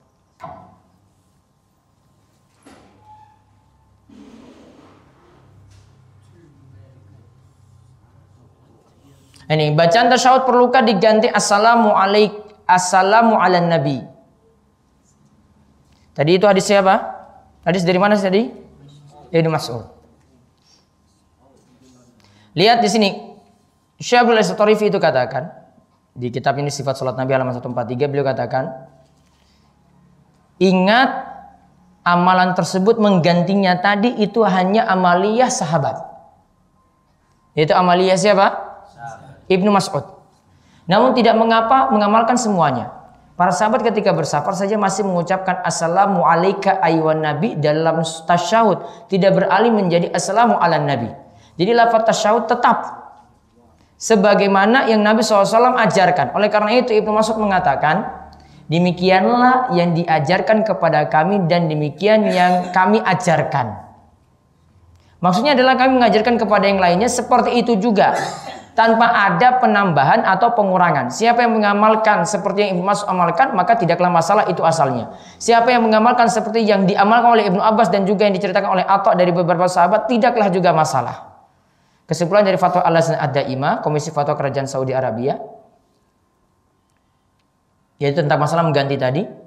Kesimpulan dari Lazna, itu hanyalah hasil ijtihad dari Ibnu Mas'ud dan tidak bertentangan dengan hadis Said Sahih yang ada. Maksudnya hadis hadis Sahih yang ada tetap boleh diperlakukan seperti itu. Yang tadi menggantinya tadi cuma ijtihad dari Ibnu Mas'ud. Jadi boleh kita tetap pakai Assalamualaikum ayuhan Nabi. Ya, terus Ibnu Abbas lihat, saya baca aja langsung. Ia berujar SAW telah mengajarkan kepada kami tasyahud sebagaimana beliau mengajarkan kepada kami suatu surat dari Al-Quran. Berarti ini bacaan penting. Ibnu Abbas punya bacaan gini. At-tahiyatul barakatuh as-salawatu at-tayyibat lillah. Assalamualaikum ayuh nabi. Masih pagi kan? Hmm. Kalau malu sudah ubah kalau Nabi SAW sudah meninggal dunia. dunia. Ibnu Abbas masih pakai. Assalamualaikum ayuh nabi wa rahmatullahi wa barakatuh. Assalamualaikum wa ala ibadillahi salihin. Asyhadu an la ilaha illallah wa asyhadu anna muhammadar rasulullah. Dalam riwayat yang lain dikata, ditambahkan wa asyhadu anna Muhammadan abduhu wa rasuluh. Nah, terus lihat selanjutnya. Tasyahud Ibnu Umar, Ibnu Mas'ud, Ibnu Abbas, Ibnu Umar. Dari SAW beliau bersabda, beliau mengucapkan tasyahudnya at-tahiyatu lillah wa salawatu wa tayyibat. Assalamualaikum ayyuhan nabi wa rahmatullah. Ibnu Umar tambahkan wa barakatuh. Assalamualaikum wa wa ala ibadillahi salihin. Asyhadu an la ilaha illallah. Kemudian ditambahkan lagi wahdahu la syarikalah wa asyhadu anna Muhammadan abduhu wa rasuluh. Di sini ada ada tambahan wahdahu la syarikalah. Yang sebelumnya tidak. Iya dah? Di sini ada tambahan di garis bawah itu wahdahu la syarikalah. Nah, terus sekarang tasyahud Abu Musa al-Ash'ari, sahabat yang keempat. Ia berujar SAW itu bersabda, jika seorang itu duduk, hendaklah ucapan pertama yang diucapkannya, At-tahiyatu thayyibat, Assalawatu lillah, Assalamu alayka ayuhan nabi wa rahmatullahi wabarakatuh, Assalamu alayna wa ala ibadillahi salihin, Asyhadu an la ilaha illallah, wahdahu la syarikalah. Wa asyhadu anna muhammadan abduhu wa rasuluh. Bagian awalnya saja yang beda. beda. Itu yang keempat. Yang kelima, tas, uh, tujuh kalimat ini adalah ucapan tahiyat solat. Terus, tahiyat yang kelima, tasyahud Umar. Ibnu Mas'ud, Ibnu Abbas, Ibnu Umar, Abu Musa al-Ash'ari, Umar.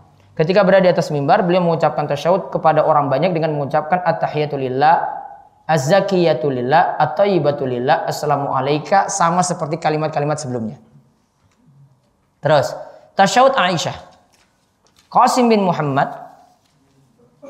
berkata, Aisyah pernah mengajarkan kepada kami bacaan tasyahud Seraya memberi isyarat dengan tangannya ia mengucapkan at-tahiyatu thayyibat as-salawatu az-zakiyatu lillah.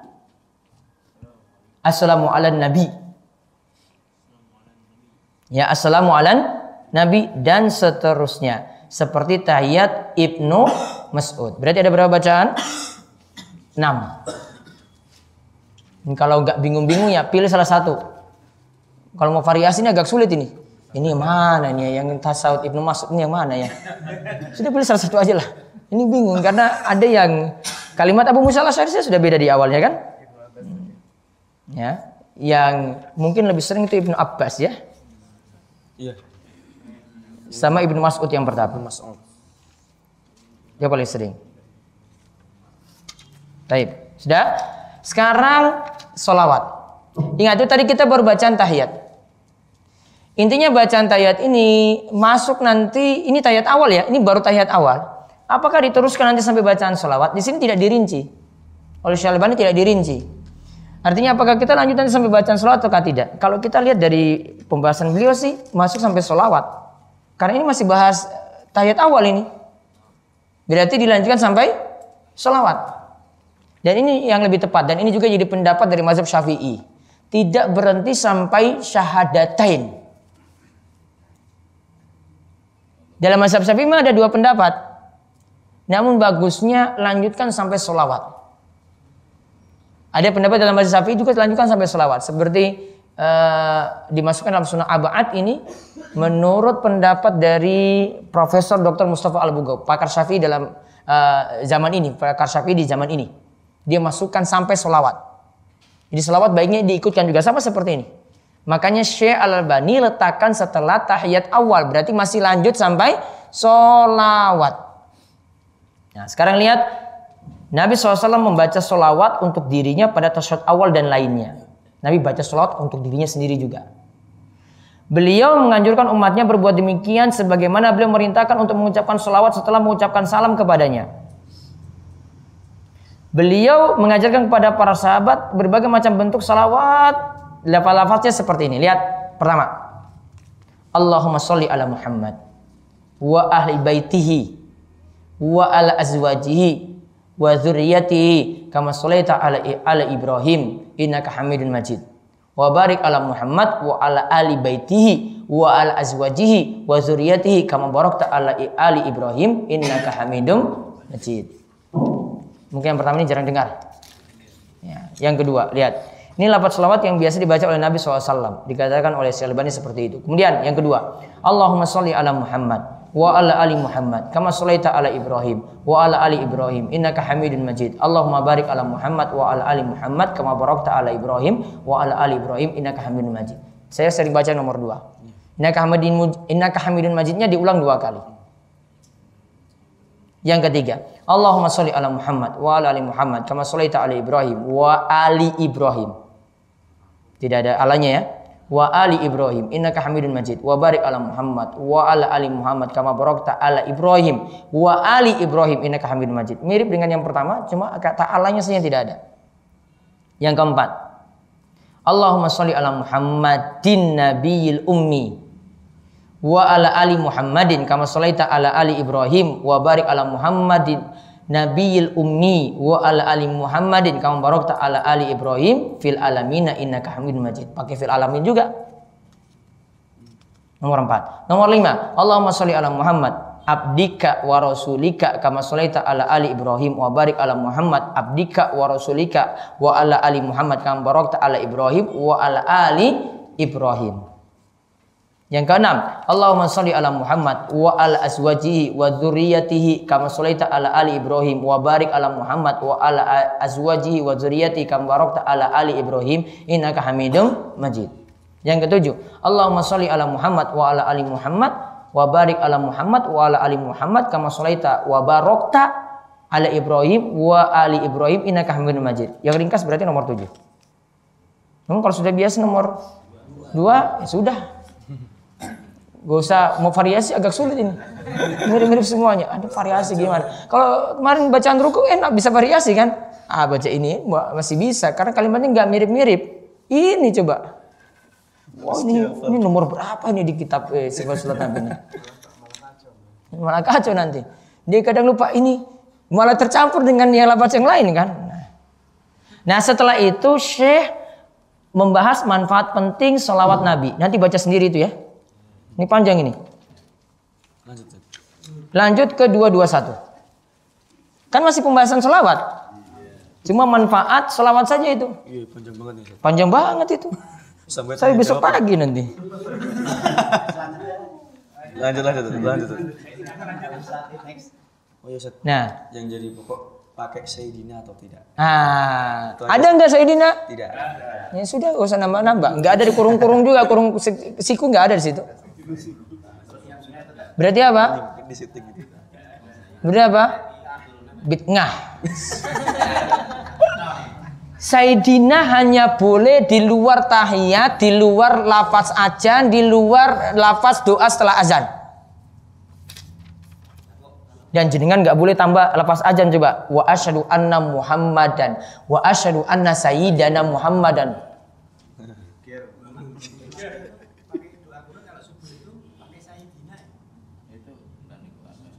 Ya, kunut subuhnya masalah, terus punya masalah. Lengser kan. Kan nggak mungkin pakai toh. Wasyadu anna Muhammadan ganti wasyadu anna sayyidana Muhammadar Rasulullah. Batal azannya kan? Nggak bisa kan? Nggak bisa. Lafaz doa setelah azan juga gimana? Allahumma rabb hadhihi da'wati tamma salatul qa'imah ati Muhammadanin. Ati muha, ati sayyidi sayyidana Muhammadin. Nggak boleh juga. Nggak ada tambahan itu. Ingat Syalbani kalau ada riwayat tambahan, dia tambah dalam kurung kan? Nggak ada. Namun di luar itu masih boleh silahkan. Jadi kita nggak anti semua nggak. Silakan. Namun kalau untuk yang tahiyat tadi loh, beberapa buku panduan sholat masih ada. Nah di sini kita tidak temukan. Padahal ini sudah tinjau riwayat. Ini tadi lafaz sholawatnya berapa? Tujuh. Dia temukan dari awal sampai akhir lafaz Sayyidina. Namun kalau misalnya kita mulai kajian ini loh, Alhamdulillahirrahmanirrahim, wassalatu wassalamu ala Sayyidina Muhammad. Wah ini kalau kita nggak pakai Sayyidina nanti kena masalah ini nih jamaah ini semua. Iya karena kena, kena masalah kadang itu. Masa nggak pakai Sayyidina Sayyidina ini orang hormat itu. Karena memang lafaz Sayyidina itu untuk penghormatan. Sama seperti kita nyebut eh, kalau kita ada yang sepuh kita panggil nama langsung nggak bisa. Nah, ada kalimat panjenengan bapak. Nah, kalau Inggris itu Mister. Nah, itu harus ada. Sayyidina fungsinya gitu. Namun kan kita masalahnya ibadah. Sudah tahu tahu fikih ya. Artinya sudah berdalil. Ya, sudah berdalil. Sudah tahu kifiyah, sudah berdalil. Tidak bisa tambah-tambah lagi. Walaupun tadi niatnya untuk hormati Nabi. Pelak seperti tadi. Wong ini sudah diajarkan Ibnu Mas'ud. Ibnu Mas'ud katakan Rasul ajarkan seperti saya diajarkan ayat dari Al-Quran. Oh nggak ada Sayyidinanya. Ibnu Abbas sama juga katakan Rasul ajarkan seperti saya diajarkan ayat dari Al-Quran. Nggak ada juga ditemukan. Maka nggak usah nambah di situ. Sama dengan dua setelah azan. Apalagi yang ada Sayyidinanya lagi dipakai. Selain dua itu. Ada temukan lagi nggak keadaan lain nggak? Ya sholat itu doa setelah azan kan bukan azannya kan? Kalau azannya ya waku nanti. Kalau yang sholawat di luar sholat gitu. Solawat di luar sholat. Terus Dia masih pakai itu. Eh Allahumma sholli ala sayyidina Muhammad, tapi ini bukan di dalam sholat. Di luar sholat gitu. Nyanyi-nyanyi atau tujuannya tadi mukaddimah kajian? Ya, tujuannya mukadimah kayak gitu. Ah, masih boleh. Masih boleh. Saya kira jenengan tanyakan selawatannya gitu. Enggak boleh itu Nambah-nambah nanti. Iya. Salawat yang paling afdol ini, salawat Ibnu Abbas, Ibnu Mas'ud tadi. Itu salawat paling afdol. Maka jenengan pakai nanti ketika sholat jenazah, ketika takbir kedua. Kemudian tolong tidak dibatasi kita nggak pernah selawat. Mana mungkin kita nggak pernah selawat coba? Nggak selawat apa hukumnya? Sholatnya sah atau tidak tadi? Tidak. Hmm, sudah kena masalah kita dalam sholat. Masa gini bilang kita nggak pernah sholawat? Iya kan? Dibilang itu wah ini malah sholat. Bagaimana kita nggak mau sholawat coba? Wong kita sholat saja nggak pakai sholat, sholat kita saja masalah. Kamu bilang kita nggak pernah sholawat. Mungkin kamu nggak pernah sholat. Iya mungkin nggak pernah sholawat. Bocah sholawat aja, iya kan? Coba kalau taruhlah kita cuma pakai tahiyat akhir saja, sudah lima kali kan berarti. Kalau kita tambah tahiyat awal, berarti tahiyat awal itu apa? Sholat zuhur tambah, jadi jadi enam. Sholat asar tambah tujuh toh. Maghrib tambah delapan, isya tambah sembilan. Sudah sembilan. Belum lagi jawab azan itu selawat lagi. Belum lagi masuk masjid. Ada lagi lapat selawat Bismillah wassalatu wassalamu ala rasulillah Allahumma firli zunubi waftali abu rahmatik Ada tambahan lafaz itu yang pakai selawat Serai wudhu ada nggak? Ada Makanya saya lagi buat ini Belum selesai ini Karena baru dapat sedikit Kapan saja kita bersolawat Karena nuduh kita nggak mau solawat Saya bilang kalau nggak solawat berarti nggak sholat Mau doa saja kita pakai solawat tutup juga kita pakai solawat. Masa dibilang nggak pernah solawat tuh gimana gitu loh? Mungkin solawat tuh harus pakai hadroh gitu ya kali ya? Itu bermasalah itu. Iya. Hah? Iya gitu. Harus pakai nada-nada gitu dulu. Ngapain pakai nada-nada? Tadi sudah dijelaskan subuh coba. Jadinya apa gitu kalau zikir pakai nada gitu, pakai musik coba. Jadinya apa? Coba akibatnya kalau dibulaikan ini. Sekarang coba sholawat sudah berapa versi coba sholawat? Versi dangdut sudah ada? Sudah. Rock sudah ada belum? Sudah ada kayaknya. Sudah ada kayaknya ya? Sudah itu. Dulu sudah.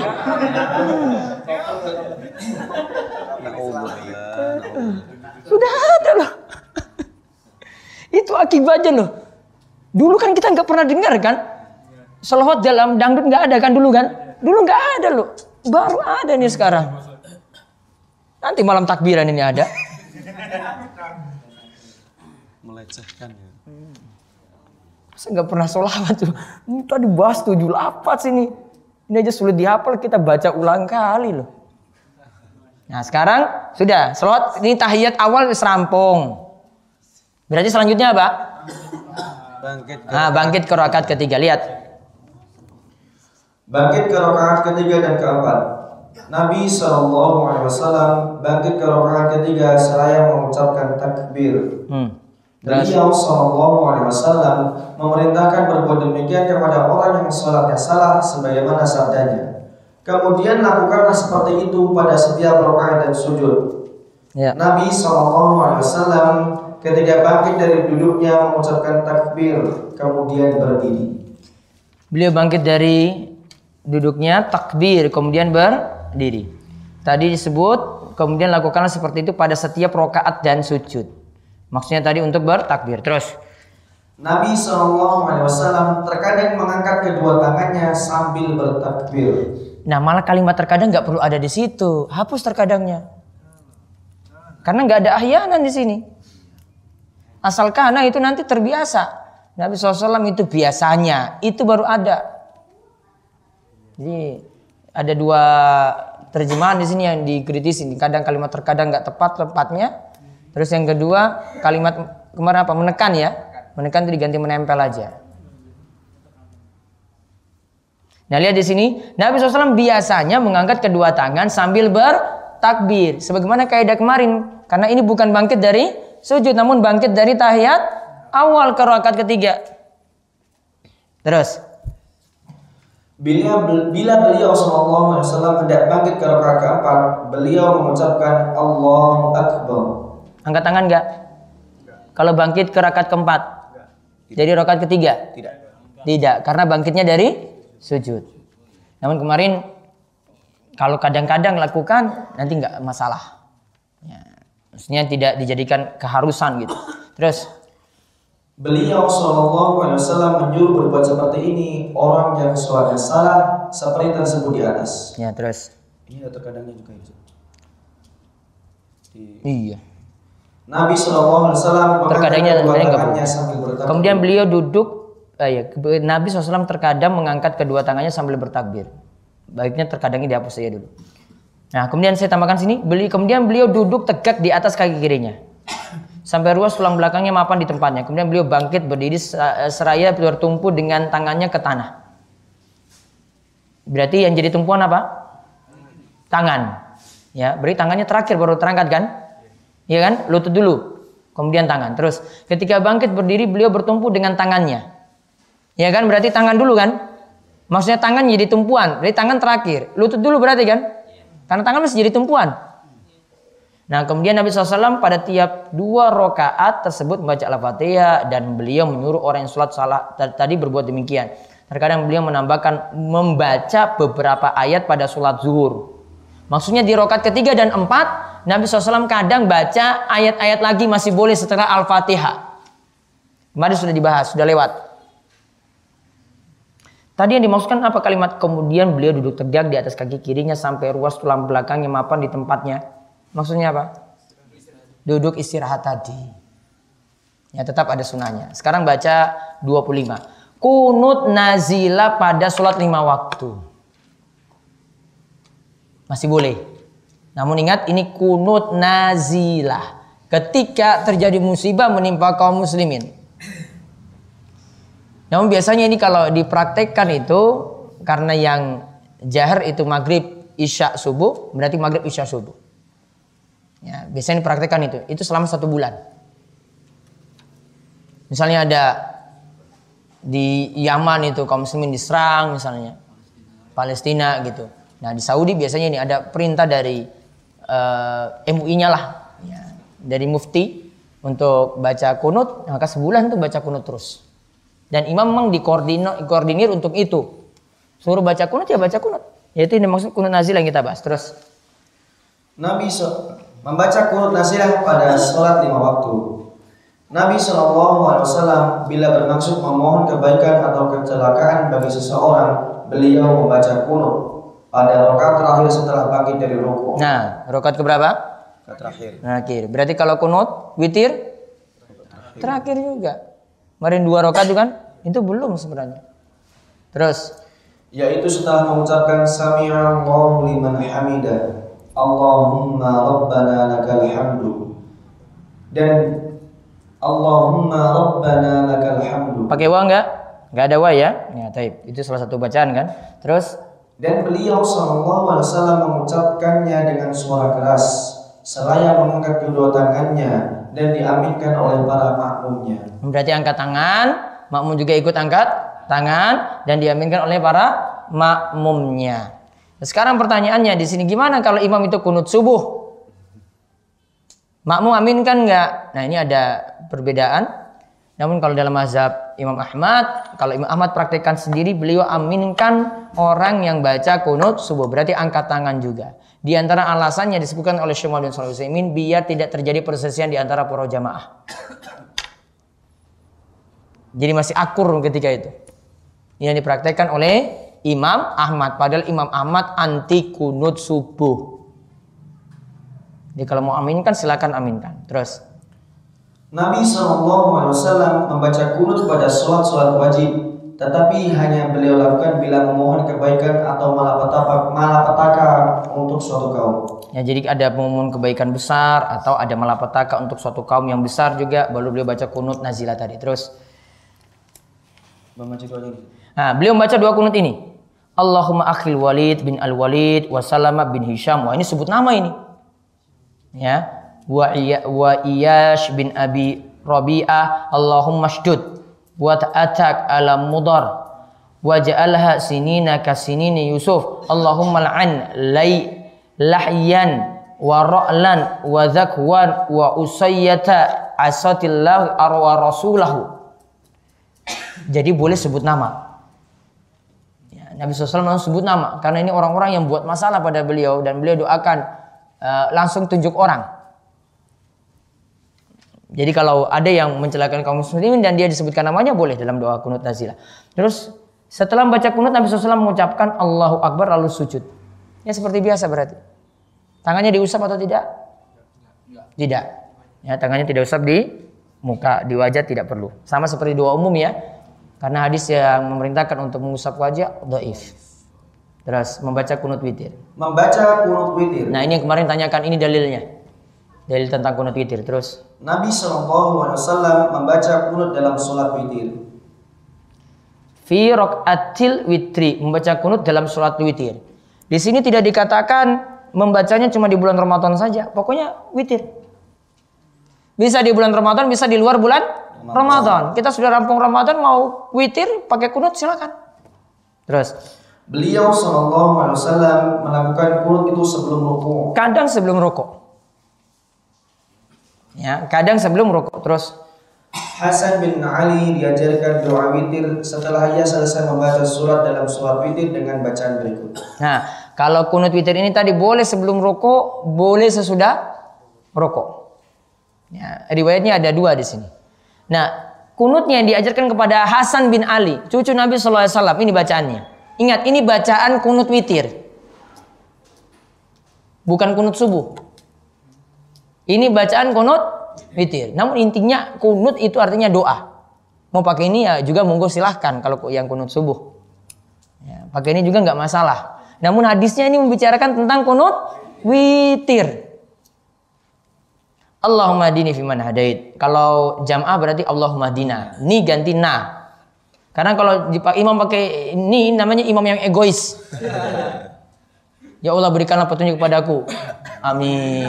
Oh imam saja ini ya kan. Egois berarti kan? Iya. Zamannya kan harusnya perasaan. Wah ini, ini imam ini teh tenan loh. Masa dia saja dapat petunjuk kita yang aminkan itu. Sama dengan Pak Kaum dan Mbah Rois juga kayak gitu. Kadang orang paham. Allahumma ini as'aluka ilman nafi'ah jamaah amin. Ya Allah berikanlah aku ilmu yang bermanfaat. Cuma untuk Mbah Kaum saja coba. Cuma untuk Mbah Rois. Ya, makanya harus tahu isinya dulu. Oh, ini saya harus ubah biar nanti maknanya itu benar. Allahumma dini fiman hadait wa afini fiman afait wa tawallani fiman tawallait wa barik li fima atait wa qini syarra ma qadait fa innaka taqdi wa la yuqda alaik wa innahu la yadhillu man walait wa la yu'izzu man adait tabarakta rabbana wa ta'alait la man jaminka illa ilaik. Yang itu tambahan juga. Yang kemudian dalam kurung siku itu tambahan. Pakai kunut ini. Boleh nggak ditambahkan lagi dengan doa lagi setelah itu? Masih boleh. Karena kunut witir itu artinya doa. Tambah lagi setelah itu boleh. Maka nanti kalau lihat dari doanya Imam Masjidil Haram, dia sampai di sini, dia tambah lagi panjang, bahkan lebih panjang lagi. Witirnya mungkin cuma 5 menit, doanya itu bisa 15 menit sampai 20 menit sampai setengah jam.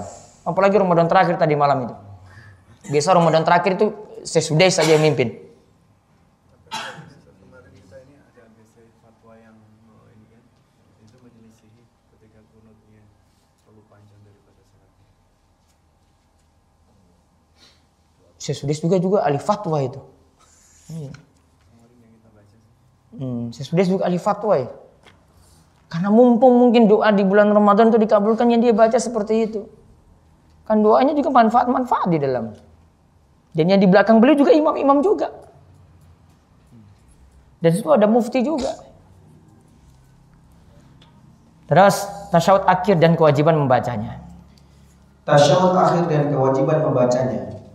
Setelah rakaat keempat, Nabi SAW duduk tasyahud akhir. Ya. Dalam tasyahud akhir ini, beliau SAW menyuruh membaca bacaan seperti pada tasyahud awal. Tetapi bedanya, pada tasyahud akhir ini beliau duduk tawaruk, yaitu pantat kiri menempel ke tanah, kaki kiri dan kaki kanan berada pada satu sisi, yaitu sisi yaitu sisi kanan dan menjadikan kaki kirinya berada di bawah paha dan betis kaki kanannya serta menegakkan telapak kaki kanannya namun kadang menghamparkannya Mengamparkannya gimana berarti? Nah, itu ditegakkan namanya, mengamparkan. Bukan. Enggak ditekuk berarti. Nah. Terkadang. Nah, lihat di sini duduknya tawaruk. Kalau tadi pakai pendapat Syalbani, berarti semua duduk tahiyat akhir kecuali yang dua rakaat tawaruk kan? Yang dua rakaat satu kali tahiyat. Ya. Kemudian Beliau Shallallahu Alaihi Wasallam menangkupkan telapak tangan kiri pada lutut kirinya sambil bertumpu padanya. menangkupkan apa? Maksudnya dibuka kali ya? Telapak tangan kiri pada lutut kiri. Ya maksudnya taruh di tangan tangan telapak tangan kiri taruh di lutut kiri kan gitu. Sambil bertumpu padanya. Mungkin gini. Di lutut iya, di lututnya. Terus Nabi Shallallahu Alaihi Wasallam mencontohkan demikian seperti beliau mencontohkan dalam tasyahud awal sebagaimana tersebut di muka. cuma bedanya cuma cara duduknya saja tadi. Tawaruk, iftirash. Ya, namun nanti dalam mazhab Syafi'i berbeda dengan apa yang beliau sebutkan tadi di sini. Terus Kewajiban membaca sholawat Nabi pada tasyahud akhir. Nah, tadi beliau sebutkan sholawat di tasyahud awal tanpa menyebutkan kata kewajiban. Ya, tadi ada kata wajib nggak? Ada nggak? Nggak ada toh? Ya, isyarat dari sini beda berarti antara kedudukannya untuk tahiyat awal untuk selawatnya dengan tahiyat akhir. Kalau tahiyat akhir masuk rukun. Makanya tadi saya sebut tadi, nggak mungkin orang yang nggak sholat itu nggak baca sholawat. Kalau nggak baca sholawat, batal. Kalau nggak pernah sholawat juga, berarti orang sholat. Kesimpulannya gampang. Terus, Nabi Shallallahu Alaihi Wasallam pernah mendengar seseorang memanjatkan doa dalam sholatnya, tetapi tanpa mengucap- tanpa mengucapkan pujian kepada Allah dan selawat kepada Nabi Shallallahu Alaihi Wasallam. Lalu beliau bersabda kepadanya, orang ini tergesa-gesa. tergesa-gesa karena apa? Tidak ada pujian, tidak ada sholawat. Langsung masuk ke isi doa. Orang kalau datang kepada orang penting juga ya, nggak mungkin dia langsung to the point kan? Pak saya minta bantuan pak. Nodong namanya kan? Pasti ada mukadimah dulu. Cerita dulu, ngelar gitu dulu. Oh kemarin saya ketemu gini gini gini. Pak ini jujur saja saya ada masalah sedikit. Nah, itu kan ada mukadimah dulu. Nah ini, maka dianggap tergesa-gesa. Baiknya pakai mukaddimah. Nah ini mukaddimahnya ada pujian pada Allah, ada solawat. Terus Kemudian beliau Shallallahu Alaihi Wasallam memanggil orang itu, lalu bersabda kepadanya dan yang lainnya, bila seseorang melakukan salat, hendaklah ia memulai dengan bacaan tahmid dan pujian kepada Allah Azza wa Jalla, Tuhannya. Kemudian hendaklah ia mengucapkan salawat Nabi Shallallahu Alaihi Wasallam, lalu memanjatkan doa yang di- diinginkannya. Apa maksudnya si Albani bahwa ini dalam tahiyat akhir? Karena tahiyat akhir ada doa. Maka harus didahului dulu dengan pujian pada Allah dan selawat pada Nabi. Terus Rasulullah Shallallahu Alaihi Wasallam pernah mendengar seseorang melakukan sholat membaca hamdalah dan memuji Allah. Lalu mengucapkan sholawat Nabi Shallallahu Alaihi Wasallam. Beliau bersabda kepadanya, memohonlah, tentu engkau akan dikabulkan dan mintalah, tentu engkau akan diberi. Artinya apa? Kalau kita berdoa didahului dengan selawat, maka sini dikatakan selawat dan hamdalah, ud'u tujab wasal tu'ta. Berdoalah engkau akan dikabulkan doamu, mintalah engkau akan diberi. Terus. Kewajiban memohon perlindungan dari empat hal. Nah, di sini malah dikatakan wajib. Sebagaimana selawat. Apa dasarnya wajib? Karena nanti eh, kalimat perintah di sini fal yasta'id. Mintalah perlindungan billah pada Allah. Kalimat perintah hukum asalnya dalam bahasa dalam istilah usul fikih itu wajib. Al amru lil wujub. Maka kesimpulan jadi wajib. Memang para ulama nanti punya takwil dalam masalah ini artinya dia ada sebagian yang katakan sunnah saya tidak masuk dalam wajib. Ya, jadi kalau masuk dalam wajibnya rukunnya berhenti sampai selawat tadi. Berhenti sampai selawat. Di sini tidak masuk. Namun kalau di sini Syekh Al-Albani masukkan dua ini dalam wa wajib. Alasannya apa? Di dalam kalimat hadisnya ada fal yasta'is billah. Minta tolonglah pada Allah. Kalimat perintah itu hukum asalnya wajib. Baca artinya. Nabi SAW bersabda, bila seseorang selesai membaca tasyahud akhir, hendaklah ia memohon perlindungan kepada Allah empat perkara, yaitu Ya Allah, ya bahasa Arabnya dulu. Allahumma inni a'udzubika min azabi jahannam wa min azabil qabri wa min fitnatil mahya wal mamati wa min syarri fitnatil masiihid dajjal. Ya. Ya Allah, aku berlindung kepadamu dari siksa neraka jahanam, dari siksa kubur, dari fitnah hidup dan mati, dari fitnah dajjal. Fitnah hidup dan mati maksudnya keadaan sakratul maut yang sulit. Ya. Fitnah hidup ya cobaan-cobaan ketika hidup. Fitnah mati di antara maksudnya yaitu keadaan sakratul maut yang sulit. Kalau dari siksa kubur ya termasuk juga menjawab pertanyaan kubur. Juga di sini fitnah dajjal. Ya, menunjukkan bahwasanya dajjal itu benar adanya. Dan ini jadi dalil siksa kubur itu ada.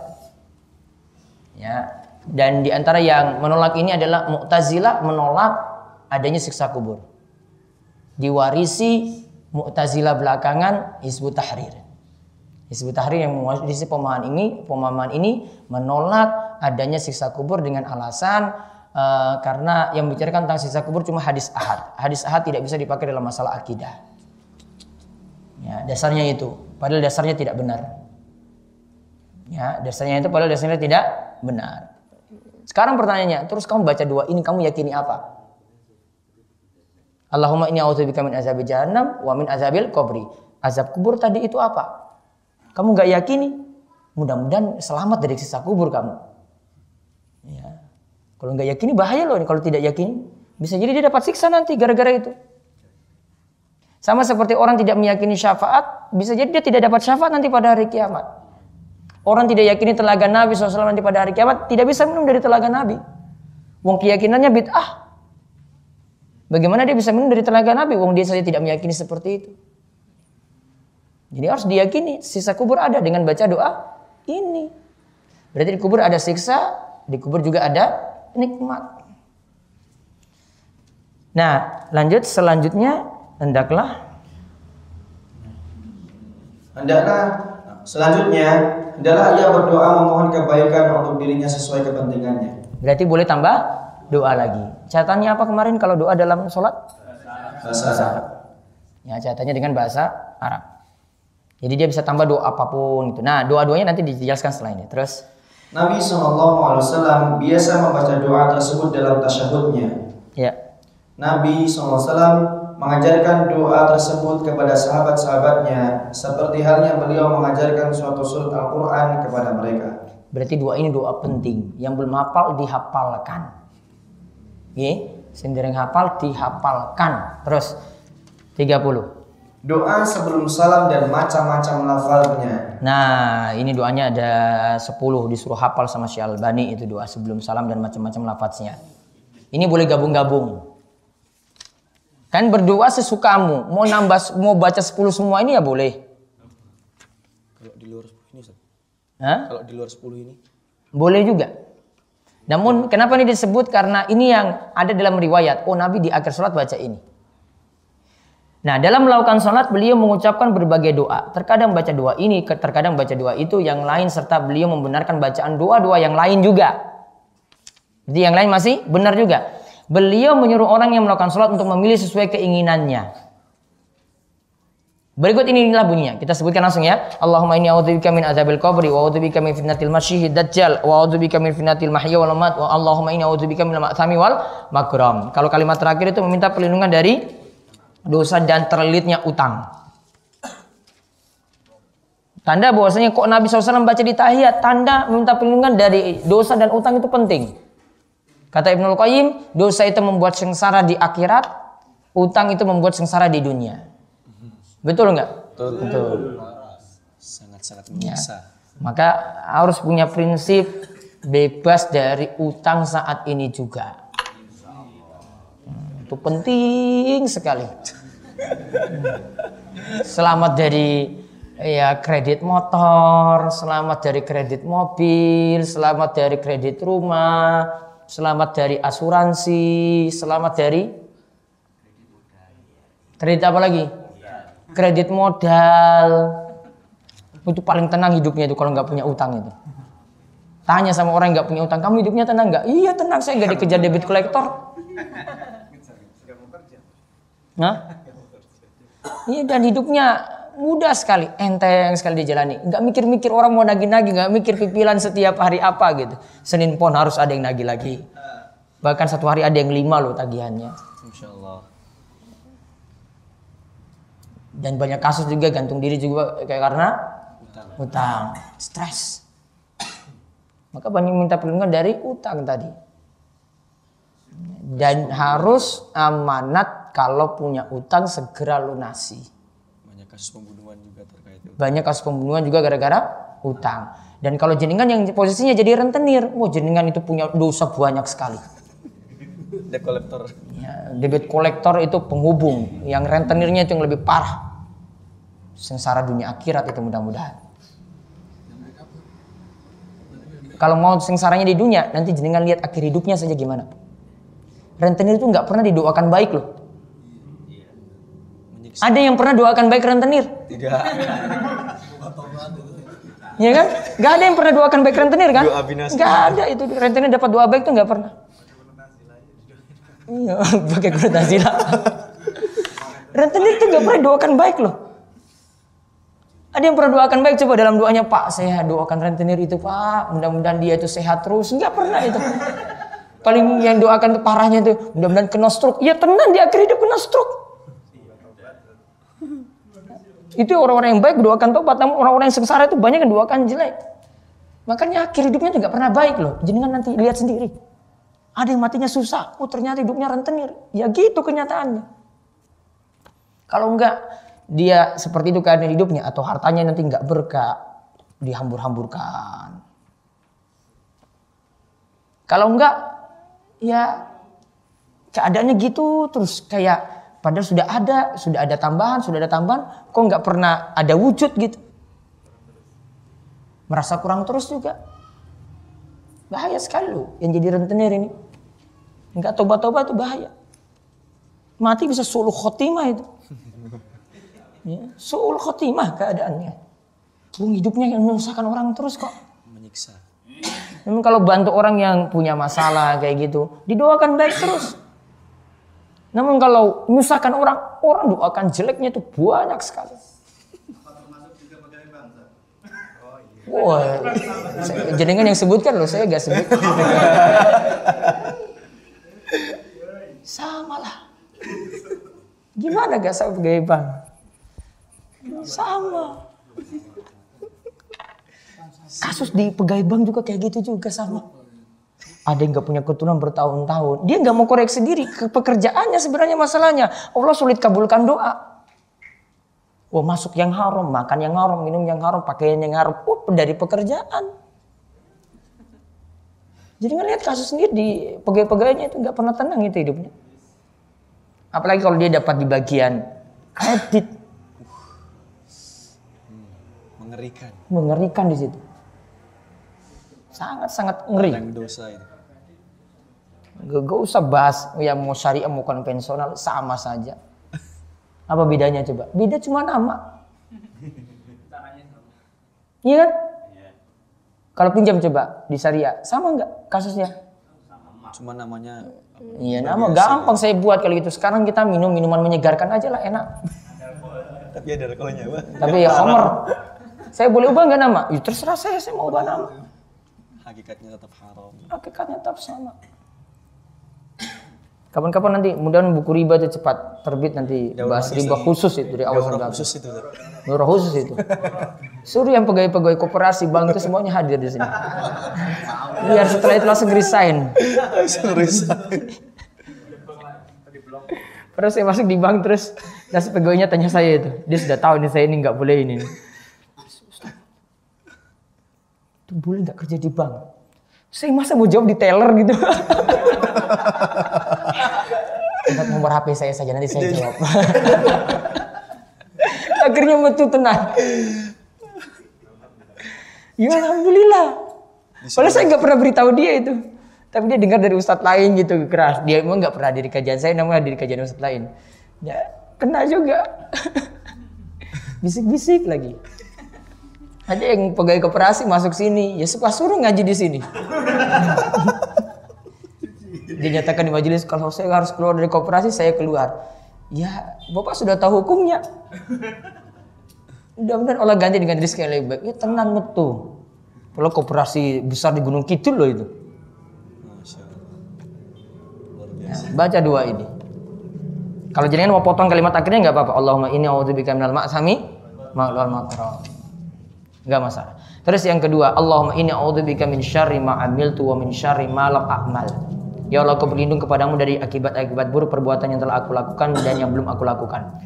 Yang ketiga, Allah Allahumma hasibni hisaba yasira. Ya Allah, hisablah aku dengan hisab yang mudah. Ini kemudian yang panjang lagi ini. Allahumma bi ilmikal ghaiba wa qudratika 'alal khalqi ahyini ma amilta al hayata khairan li wa tawaffani idza kanatil wafatu khairun li. Ini kalimat ini artinya, ya Allah hidupkan aku jika hidup itu memang lebih baik bagiku. Ya Allah matikanlah aku jika memang kematian itu baik untuk untukku. Ya, ini doa saat ini. Doa dari Nabi SAW. Mungkin ada sahabat-sahabat yang mempraktek- mempraktekkan khusus seperti itu. Allahumma wa as'aluka khasyatak fil ghaibi wa syahada wa as'aluka kalimatal haqqi. Dalam riwayat yang lain kalimatal hikami wal adla fil ghadabi war ridha wa as'aluka al qasda fil fakri wal ghina wa as'aluka na'iman la yabid wa as'aluka qurrata ainin la tanfat wa la tanqati wa as'aluka ridha ba'dal qada wa as'aluka al burdal aishi ba'dal mamat ba'dal mauti wa as'aluka lazzatin nazar ila wajhik wa as'aluka syauqa ila liqa'ik fi ghairi darra'in mudirra wa la fitnatin mudilla Allahumma zayyina zinatal iman waj'alna hudatam muhtadin. Ini dua ini bagus ini. Panjang banget. Sih. Itu hampir setengah halaman surat. ini nanti saya mau mau ini mau tuliskan nanti di dalam khutbah it ini bagus. Ya, ini saya pernah dengar si Sudes baca ini soalnya. Si Sudes kan doanya banyak sekali dan doanya semua pakai riwayat lagi. Kemudian yang kelima doa Abu Bakar As-Siddiq minta ampunan dosa. Ini versi Abu Bakar As-Siddiq ya doanya seperti ini. Padahal Abu Bakar As-Siddiq apa maksiatnya banyak? Enggak namun doanya masih seperti ini. Allahumma inni zalamtu nafsi zulman katsira wa la yaghfiru dzunuba illa anta faghfir li maghfiratan min indik warhamni innaka antal ghafurur rahim. Ya Allah aku telah banyak melakukan kezaliman kepada diriku. Abu Bakar bilang kayak gitu, ini dia. Apa Abu Bakar itu pernah mabuk, pernah selingkuh? Tidak. Enggak kan? Masih doanya seperti ini. Ya, ini seperti yang eh, ayat yang kemarin saya bawa dalam khutbah Jumat itu. Kemudian oleh karena itu berilah aku pengampunan dari sisimu dan kasihanilah aku sungguhnya engkau maha pengampun lagi maha pengasih. Itu nomor lima itu dihafal. Itu masih gampang kalau belum hafal. Kemudian beliau menyuruh Aisyah untuk mengucapkan doa. Doa ini pada Aisyah diajarkan oleh Nabi. Allahumma inni as'aluka minal khairi kulli ajili wa ajili ma alimtu minhu wa ma lam a'lam wa a'udzubika min syarri kullihi ajili wa ajili ma amiltu minhu wa ma lam a'lam wa as'aluka Allahumma inni as'alukal jannah wa ma qarraba ilayha min qawlin aw amal. Wa a'udzubika minan nari wa ma qarraba ilayha min qawlin aw amal. Wa as'aluka atau Allahumma inni as'aluka minal khairi ma abduka wa rasuluk. Muhammad. Wa a'udzubika min syarri ma sta'adza minhu abduka wa rasuluk. Muhammad sallallahu alaihi wasallam. Wa as'aluka ma qadait li min amrin an taj'ala ma akibatu li rusda ini juga doa yang bagus minta supaya diberikan seluruh kebaikan, minta supaya dijauhkan dari seluruh kejelekan, minta seperti doa yang Nabi minta. Tanpa sebut rinci. Minta seperti doa yang Nabi minta perlindungan tanpa sebut rinci, masuk dalamnya semuanya. Ini juga bagus, nomor 6. Dan yang ketujuh, beliau bertanya kepada seorang sahabat, apa yang kau ucapkan dalam sholat? Aku bertasyahud, kemudian aku memohon surga kepada Allah dan berlindung dari sisa neraka. Demi Allah aku tidak mengerti bisik-bisikmu dan bisik-bisik Mu'ad. Beliau bersabda, yang kami bisikan adalah seperti yang kamu ucapkan. Berarti dalam doa ketika tahiyat juga ini boleh baca doa meminta surga dan jauh dari neraka. Allahumma inni as'alukal jannah wa na'udzubika minan nar. Bisa seperti itu. Kemudian beliau pernah mendengar seorang sahabat dalam tasyahudnya membaca. Nabi dengar sahabat. Allahumma inni as'aluka ya Allah atau billah al-wahid al-ahad as-somad allazi lam yalid wa lam yulad wa lam yakul lahu kufuwan ahad. An taghfirli dzunubi innaka antal ghafurur rahim. Ya doa kunut kemarin. Kalimat yang depan tadi Allahumma inni as'aluka al-ahad as-somad allazi lam yalid wa lam yulad wa lam yakul lahu kufuwan ahad. Kalimat ini kalau disebut pertama kali, maka kalimat sesudahnya untuk doa-doanya lebih mudah terkabul. Ya, kalimat ini awalnya nih ya, sebelum antakfiroli yang di depan itu ada kalimat al-ahad, as-somad, al-ladzi lam yalid wa lam yulad wa lam yakul lahu ahad. Kalimat ini kalau disebut di awal, doa makin mudah terkabul. Itu pengantar. Tawassul. Ya, jadi bisa pakai ini kemudian masuk ke doa yang lain. Tawassul dengan bacaan ini. Terus yang kesembilan. Beliau berdoa dalam tasyahud Allahumma inni as'aluka bi annaka lakal hamdu la ilaha illa anta wahdaka la syarika lak al mannanu ya badiya samawati wal ard ya zal jalali wal ikram ya hayyu ya qayyum inni as'alukal jannah wa a'udzubika minan nar yang ke-10 yang ke-9 juga masih ada Nabi SAW bersabda kepada para sahabat, tahukah engkau apa yang dimohon orang ini? Mereka menjawab Allah dan Rasulnya yang lebih tahu. Sabdanya, Demi Tuhan yang jiwaku ada di tangannya, sesungguhnya orang ini telah memohon kepada Allah dengan menyebut namanya yang agung. Yang bila orang memohon dengan menyebut keagungannya itu, dia akan mengabulkan. Dan bila orang itu meminta sesuatu, dia akan memberinya. Yaitu baca kalimat tadi. Ini namanya Ismullahil A'zam. Atau Al-Asma'ullahil A'zam. Nama Allah yang paling agung. Kalau kita dahuli doa seperti itu, dengan kalimat nomor 9 ini, baru masuk di kalimat ini as'alukal jannah wa a'udzubika minan nar, maka doanya terkabul. Sama seperti bacaan nomor 8 tadi. Maka kuasai pengantar-pengantar doa juga sebelum masuk. Bukan inti doanya namun pengantar-pengantarnya. Nomor 10. Doa terakhir antara tasyahud dan salam yang beliau baca Allahumma gfirli ma qaddamtu wa ma akhartu wa ma asrartu wa ma a'lantu wa ma asraftu wa ma anta a'lamu bi minni antal muqaddimu antal muakhiru la ilaha illa anta. Baca artinya juga. Sudah? 31. Mengucapkan salam. Sebentar, Ustaz. Apa? Ada pertanyaan. Ini doa-doanya boleh ketika kunut witir nggak, Ustaz? Boleh. Boleh ketika kunut witir, boleh untuk doa-doa yang lainnya, boleh ketika doa ketika sujud ataupun keadaan yang lain. Kalau bisa versi doanya itu ditambah. Ya. Yang saya punya buku 52 itu sebenarnya cuma sebagian saja. Nah, itu cuma saya susun makanya nggak sampai Pak Kusniri kemarin beri masukan yang doa minta apa perlindungan dari munafik belum saya masukkan karena saya ingin paskan 50. Harus cuma susun satu minggu itu. Kepepet untuk nyusunnya. Karena itu sebenarnya untuk buku saya ingin bagi biar uh, itu saya niatkan uh, keluarga saya itu niatkan untuk bibi saya yang sudah meninggal. Keluarganya minta nyusun buku. Ya. Saya nggak mau kasih buku Yasin, yang kasih buku itu. Dibagi-bagi gitu. Kan biar orang baca kan amal jariah untuk dia. Jadi kalau ada yang yang seperti itu bisa juga nanti untuk amal jariah selain Al-Qur'an. Doa itu dibaca terus loh. Iya. Kalau ada yang tawaf, saya bagi-bagi buku itu. Ini baca buku ini, buku ini. Kadang jamaah saya, saya tuntun itu. Ini ikutin ini, saya baca 52 ini. Akhirnya keliling-keliling tawaf sa'i bisa dua kali hatam itu buku itu. Muter lagi, baca lagi. Wah itu senang sekali mereka. Nah, karena dibuat doa-doa yang sederhana. Singkat-singkat doanya, saya nggak panjang-panjang. Kecuali beberapa doa saya yang panjang situ. Ada juga doa minta uh, perlindungan dari istri yang cerewet ada. Ada di situ. Ada, cari. Terakhir mengucapkan salam. Mengucapkan salam. Nabi Shallallahu Alaihi Wasallam mengucapkan salam dengan berpaling ke arah kanan seraya mengucapkan Assalamualaikum warahmatullah sehingga terlihat pipi kanannya yang putih dan berpaling ke kiri seraya mengucapkan Assalamualaikum warahmatullah sehingga terlihat pipi kirinya yang putih. Nah lihat, terlihat pipi kanannya yang putih. Ada yang, Ustadz gimana? Apa lihat ke pundaknya? Kalau kau lihat ke pundak kan pipi nggak kelihatan. Ya maka, Assalamualaikum warahmatullah. Assalamualaikum warahmatullah. Nggak disuruh juga lihat jamaah di belakang ini. Assalamualaikum warahmatullah. Enggak kan? Enggak. Ngecek nggak di sini? Ada nggak? Nggak ada kan? Bapak imam suruh ngecek gitu. Malah bikin nggak khusyuk, Ustaz. Enggak, enggak disuruh muter nih, enggak paksa kayak gitu. Biasa. Assalamualaikum warahmatullah. Assalamualaikum warahmatullah. Kan pipi sudah kelihatan. Kadang terlalu maksa sekali nih. Atau ini katanya ada yang suruh lihat ini pundak. Wah ini tambah-tambah dari mana lagi? Nah terus.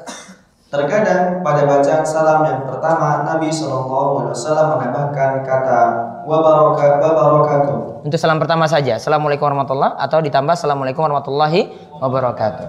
Namun untuk tambahan ini Kalau Syalbani itu sahihkan, ulama yang lain tidak sahihkan. Sehingga kalau tidak pakai wabarakatuh pun lebih aman. Ya. Kadang ada yang tanya, kok Ustadz nggak pakai wabarakatuh? Wah riwayatnya kayak gitu. Kok dua-duanya nggak pakai? Ya riwayatnya kayak gitu. Ya. Kalau saya sendiri tidak kuatkan yang terakhir. Jadi cuma assalamualaikum warahmatullah, assalamualaikum warahmatullah. Dan ini yang dipraktekkan juga di masjid-masjid besar di termasuk Masjidil Haram, Masjid Nabawi. Terus ingat ya, uh, kita kenapa batas sampai situ? Ya dalil tentu seperti itu ya amalkan seperti itu. Simple alasannya. Oh dalil dibatasi itu sudah sampai situ. Andai dalil cuma batasi assalamualaikum saja, assalamualaikum saja. Karena dalil batasi cuma assalamualaikum warahmatullah, sudah ikuti saja. Simple nanti jadi beragama. Nah, terus.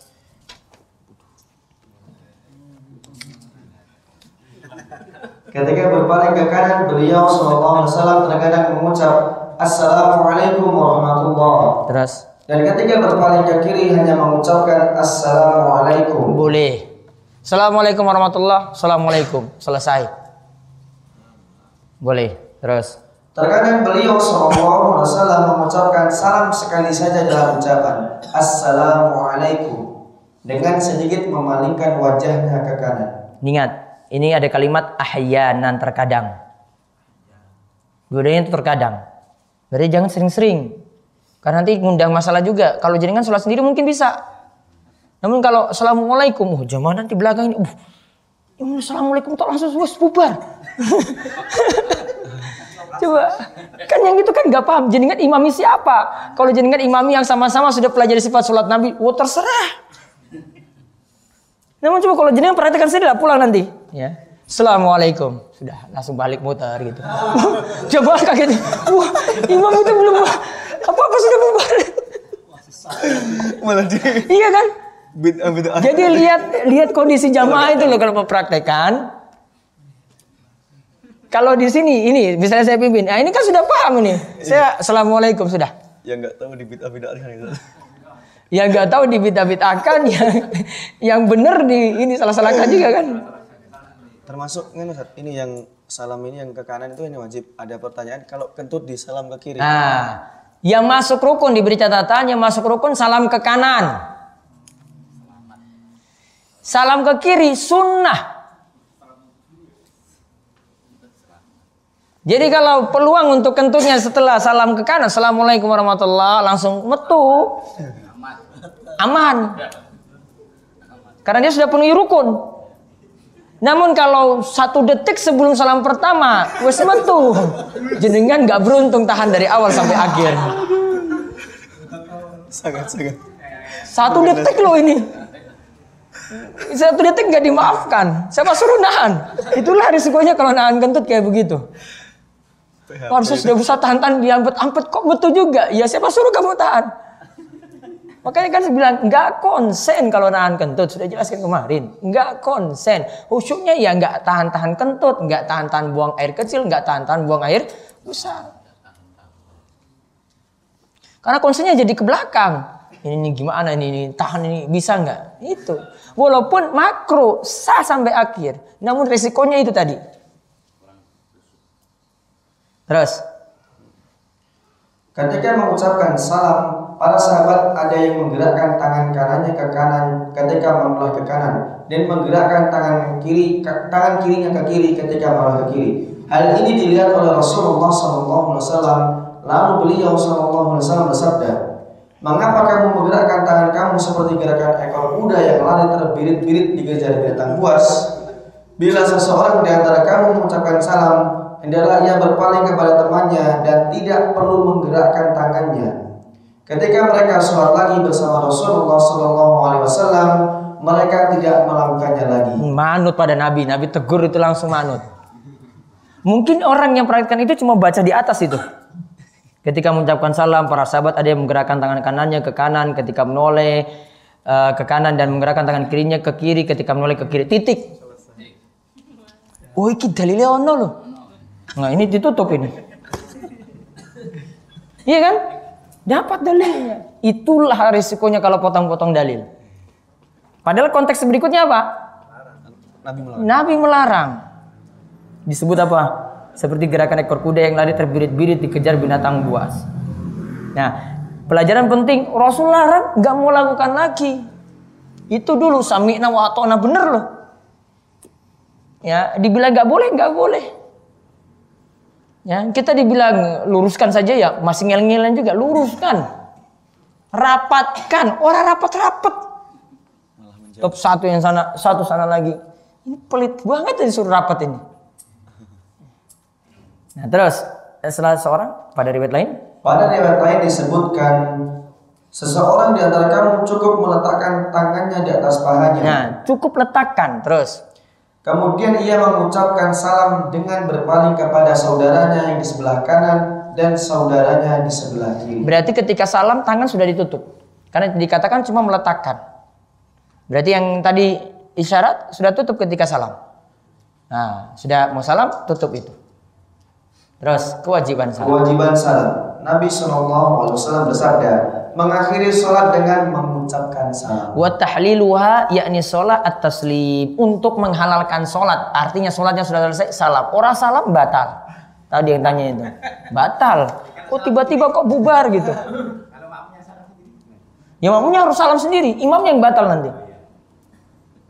Ya. Imamnya ditanya, imamnya nggak salam. Kok bisa nggak salam? Nah, penutup. Penutup.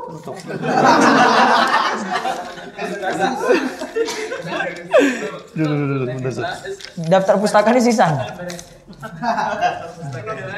Penutup. Dia baca kita tinggal nanti. Penutup, semua cara sholat yang telah disebutkan dalam buku ini berlaku sama bagi laki-laki dan perempuan. Nah, laki-laki sama, perempuan sama, asalnya seperti itu. Jadi kalau tadi buka, contoh saja sini, buka ketika sujud, ini Syalbani menurut Syalbani, ini juga dibuka perempuan. Namun yang ini saya kurang setuju dikarenakan masalah aurat wanita itu lebih dipentingkan. Makanya dalam mazhab Syafi'i ini agak ditutup rapat. Kenapa? Karena kalau dibuka lekuk tubuh jadi kelihatan. Praktekkan aja sendiri.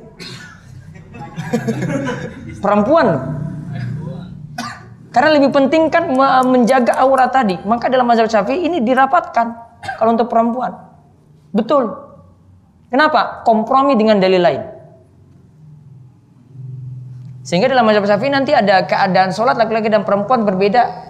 Kalau dalam matan Abi Suja itu tiga keadaan. Di antaranya tadi yang saya sebutkan. Saat sujud ini lebih dirapatkan. Ketika negur imam, laki-laki subhanallah, perempuan tepuk punggung telapak tangan. Hmm. Itu di antaranya. Ya, sop laki-laki yang paling baik paling depan, sop perempuan paling belakang. Perbedaannya ada. Gak semuanya kita samakan. Jadi tetap ada perbedaan. Namun asalnya sama. Duduknya gimana kalau tahiyat, iftiros, tawaruk tadi sudah dibahas. Sama. Bacaannya gimana? Sama. Nah terus. Tidak terdapat keterangan dari sunnah yang menerangkan adanya cara-cara khusus untuk perempuan yang berbeda dengan cara yang berlaku untuk laki-laki. Yang kecuali tadi ada kompromi dalil ya, seperti saya sebutkan untuk sujudnya. Sujudnya lebih dirapatkan. Terus. Bahkan sabda Nabi SAW yang menyatakan, Sholatlah kamu sekalian seperti kalian melihat aku sholat. Berlaku secara umum dan mencakup kaum perempuan. Laki-laki masuk, perempuan masuk. Solu kama ra'aitumuni usolli. Salatlah sebagaimana kalian melihat aku salat. Terus. Ibrahim An-Nakhai menyatakan, dalam sholat wanita melakukannya sama dengan yang dilakukan oleh laki-laki. Taf'alul mar'atu fis sholati kama yaf'alur rajul. Perempuan lakukan dalam salat itu sama seperti yang laki-laki lakukan dalam salat. Terus. Hadis yang, menun- yang menyebutkan bahwa dalam sujud wanita harus mengempitkan tangannya ke lambung sehingga berbeda dengan laki-laki Nah. adalah hadis mursal, tidak boleh dijadikan hujjah. Iya, hadis ini hadis mursal akhirnya jadi doif. Bukan menunjukkan bahwasanya praktek tadi tidak bisa dipraktekkan karena kompromi dengan dalil lain. Dalil lain yang menyatakan harus lebih tertutup aurat, perempuan itu tidak membentuk lekuk tubuh itu sudah jadi dalil. Tidak perlu pakai dalil khusus. Ya, namun dalil umum. Terus. Hadis ini diriwayatkan oleh Abu Daud dalam kitab Al-Marasil Al-Marasul itu hadis hadis mursal. Hadis mursal hadis doif. dari Yazid bin Abi Hubaib. Hadis ini telah disebutkan dalam kitab Al-Taifah nomor 2652. Nah, mengempitkan tangannya tadi, taruhlah hadisnya dhaif, namun ada dalil yang lain yang sifatnya itu umum yang menguatkan dan dikompromikan dengan dalil-dalil yang ada tadi. Sehingga perempuan lebih bagus mengempitkan daripada membuka. Terus. Adapun hadis yang diriwayatkan oleh Imam Ahmad yang tercantum dalam kitab Masail oleh putranya Abdullah halaman 71 dari Umar dari Umar Dari Ibnu Umar. dari Ibnu Umar yang menerangkan bahwa beliau menyuruh kaum wanita duduk bersila dalam sholatnya sanatnya tidak sah. Duduk bersila dalam sholat tidak sah. Karena berarti nanti ada duduk yang berbeda untuk perempuan. Sananya tidak sah. Terus. Di dalamnya terdapat rawi bernama Abdullah bin Umari, rawi yang dhaif. Ya, terus. Imam Bukhari dalam kitab At-Tarik As-Saghir halaman 95 meriwayatkan dari Ummu Dardah hadis sahih berbunyi sesungguhnya Ummu Dardah dalam salat duduk seperti cara duduk laki-laki padahal beliau seorang perempuan ahli fikih Dia seorang fakih, namun Ummu Darda itu duduknya seperti laki-laki. Ya. Kalau duduk tidak terlalu kelihatan, tidak seperti tadi membuka tangan saat sujud. Terus, Inilah sifat sholat Nabi Shallallahu Alaihi Wasallam yang dapat saya usahakan pengumpulannya sejauh kemampuan saya yang meliputi takbiratul ihram sampai dalam ucapan salam. Saya memohon kepada Allah semoga usaha ini dijadikan sebagai amal yang ikhlas dan menjadi petunjuk pada sunnah Nabi-Nya. ya. Hmm, Kapan-kapan nanti kita bahas sifat sholat Nabi dari semua bin Shalih Utsaimin. Saya cari terjemahannya dulu. Berarti sudah 20 pertemuan. Rampung Alhamdulillah. Ya demikian yang kita bahas yang mudah-mudahan bermanfaat. Ya kita tutup kalian doa kafaratul majelis monggo. Subhanakallahumma bihamdika asyhadu alla ilaha illa anta astaghfiruka wa atubu ilaik. Assalamualaikum warahmatullahi wabarakatuh.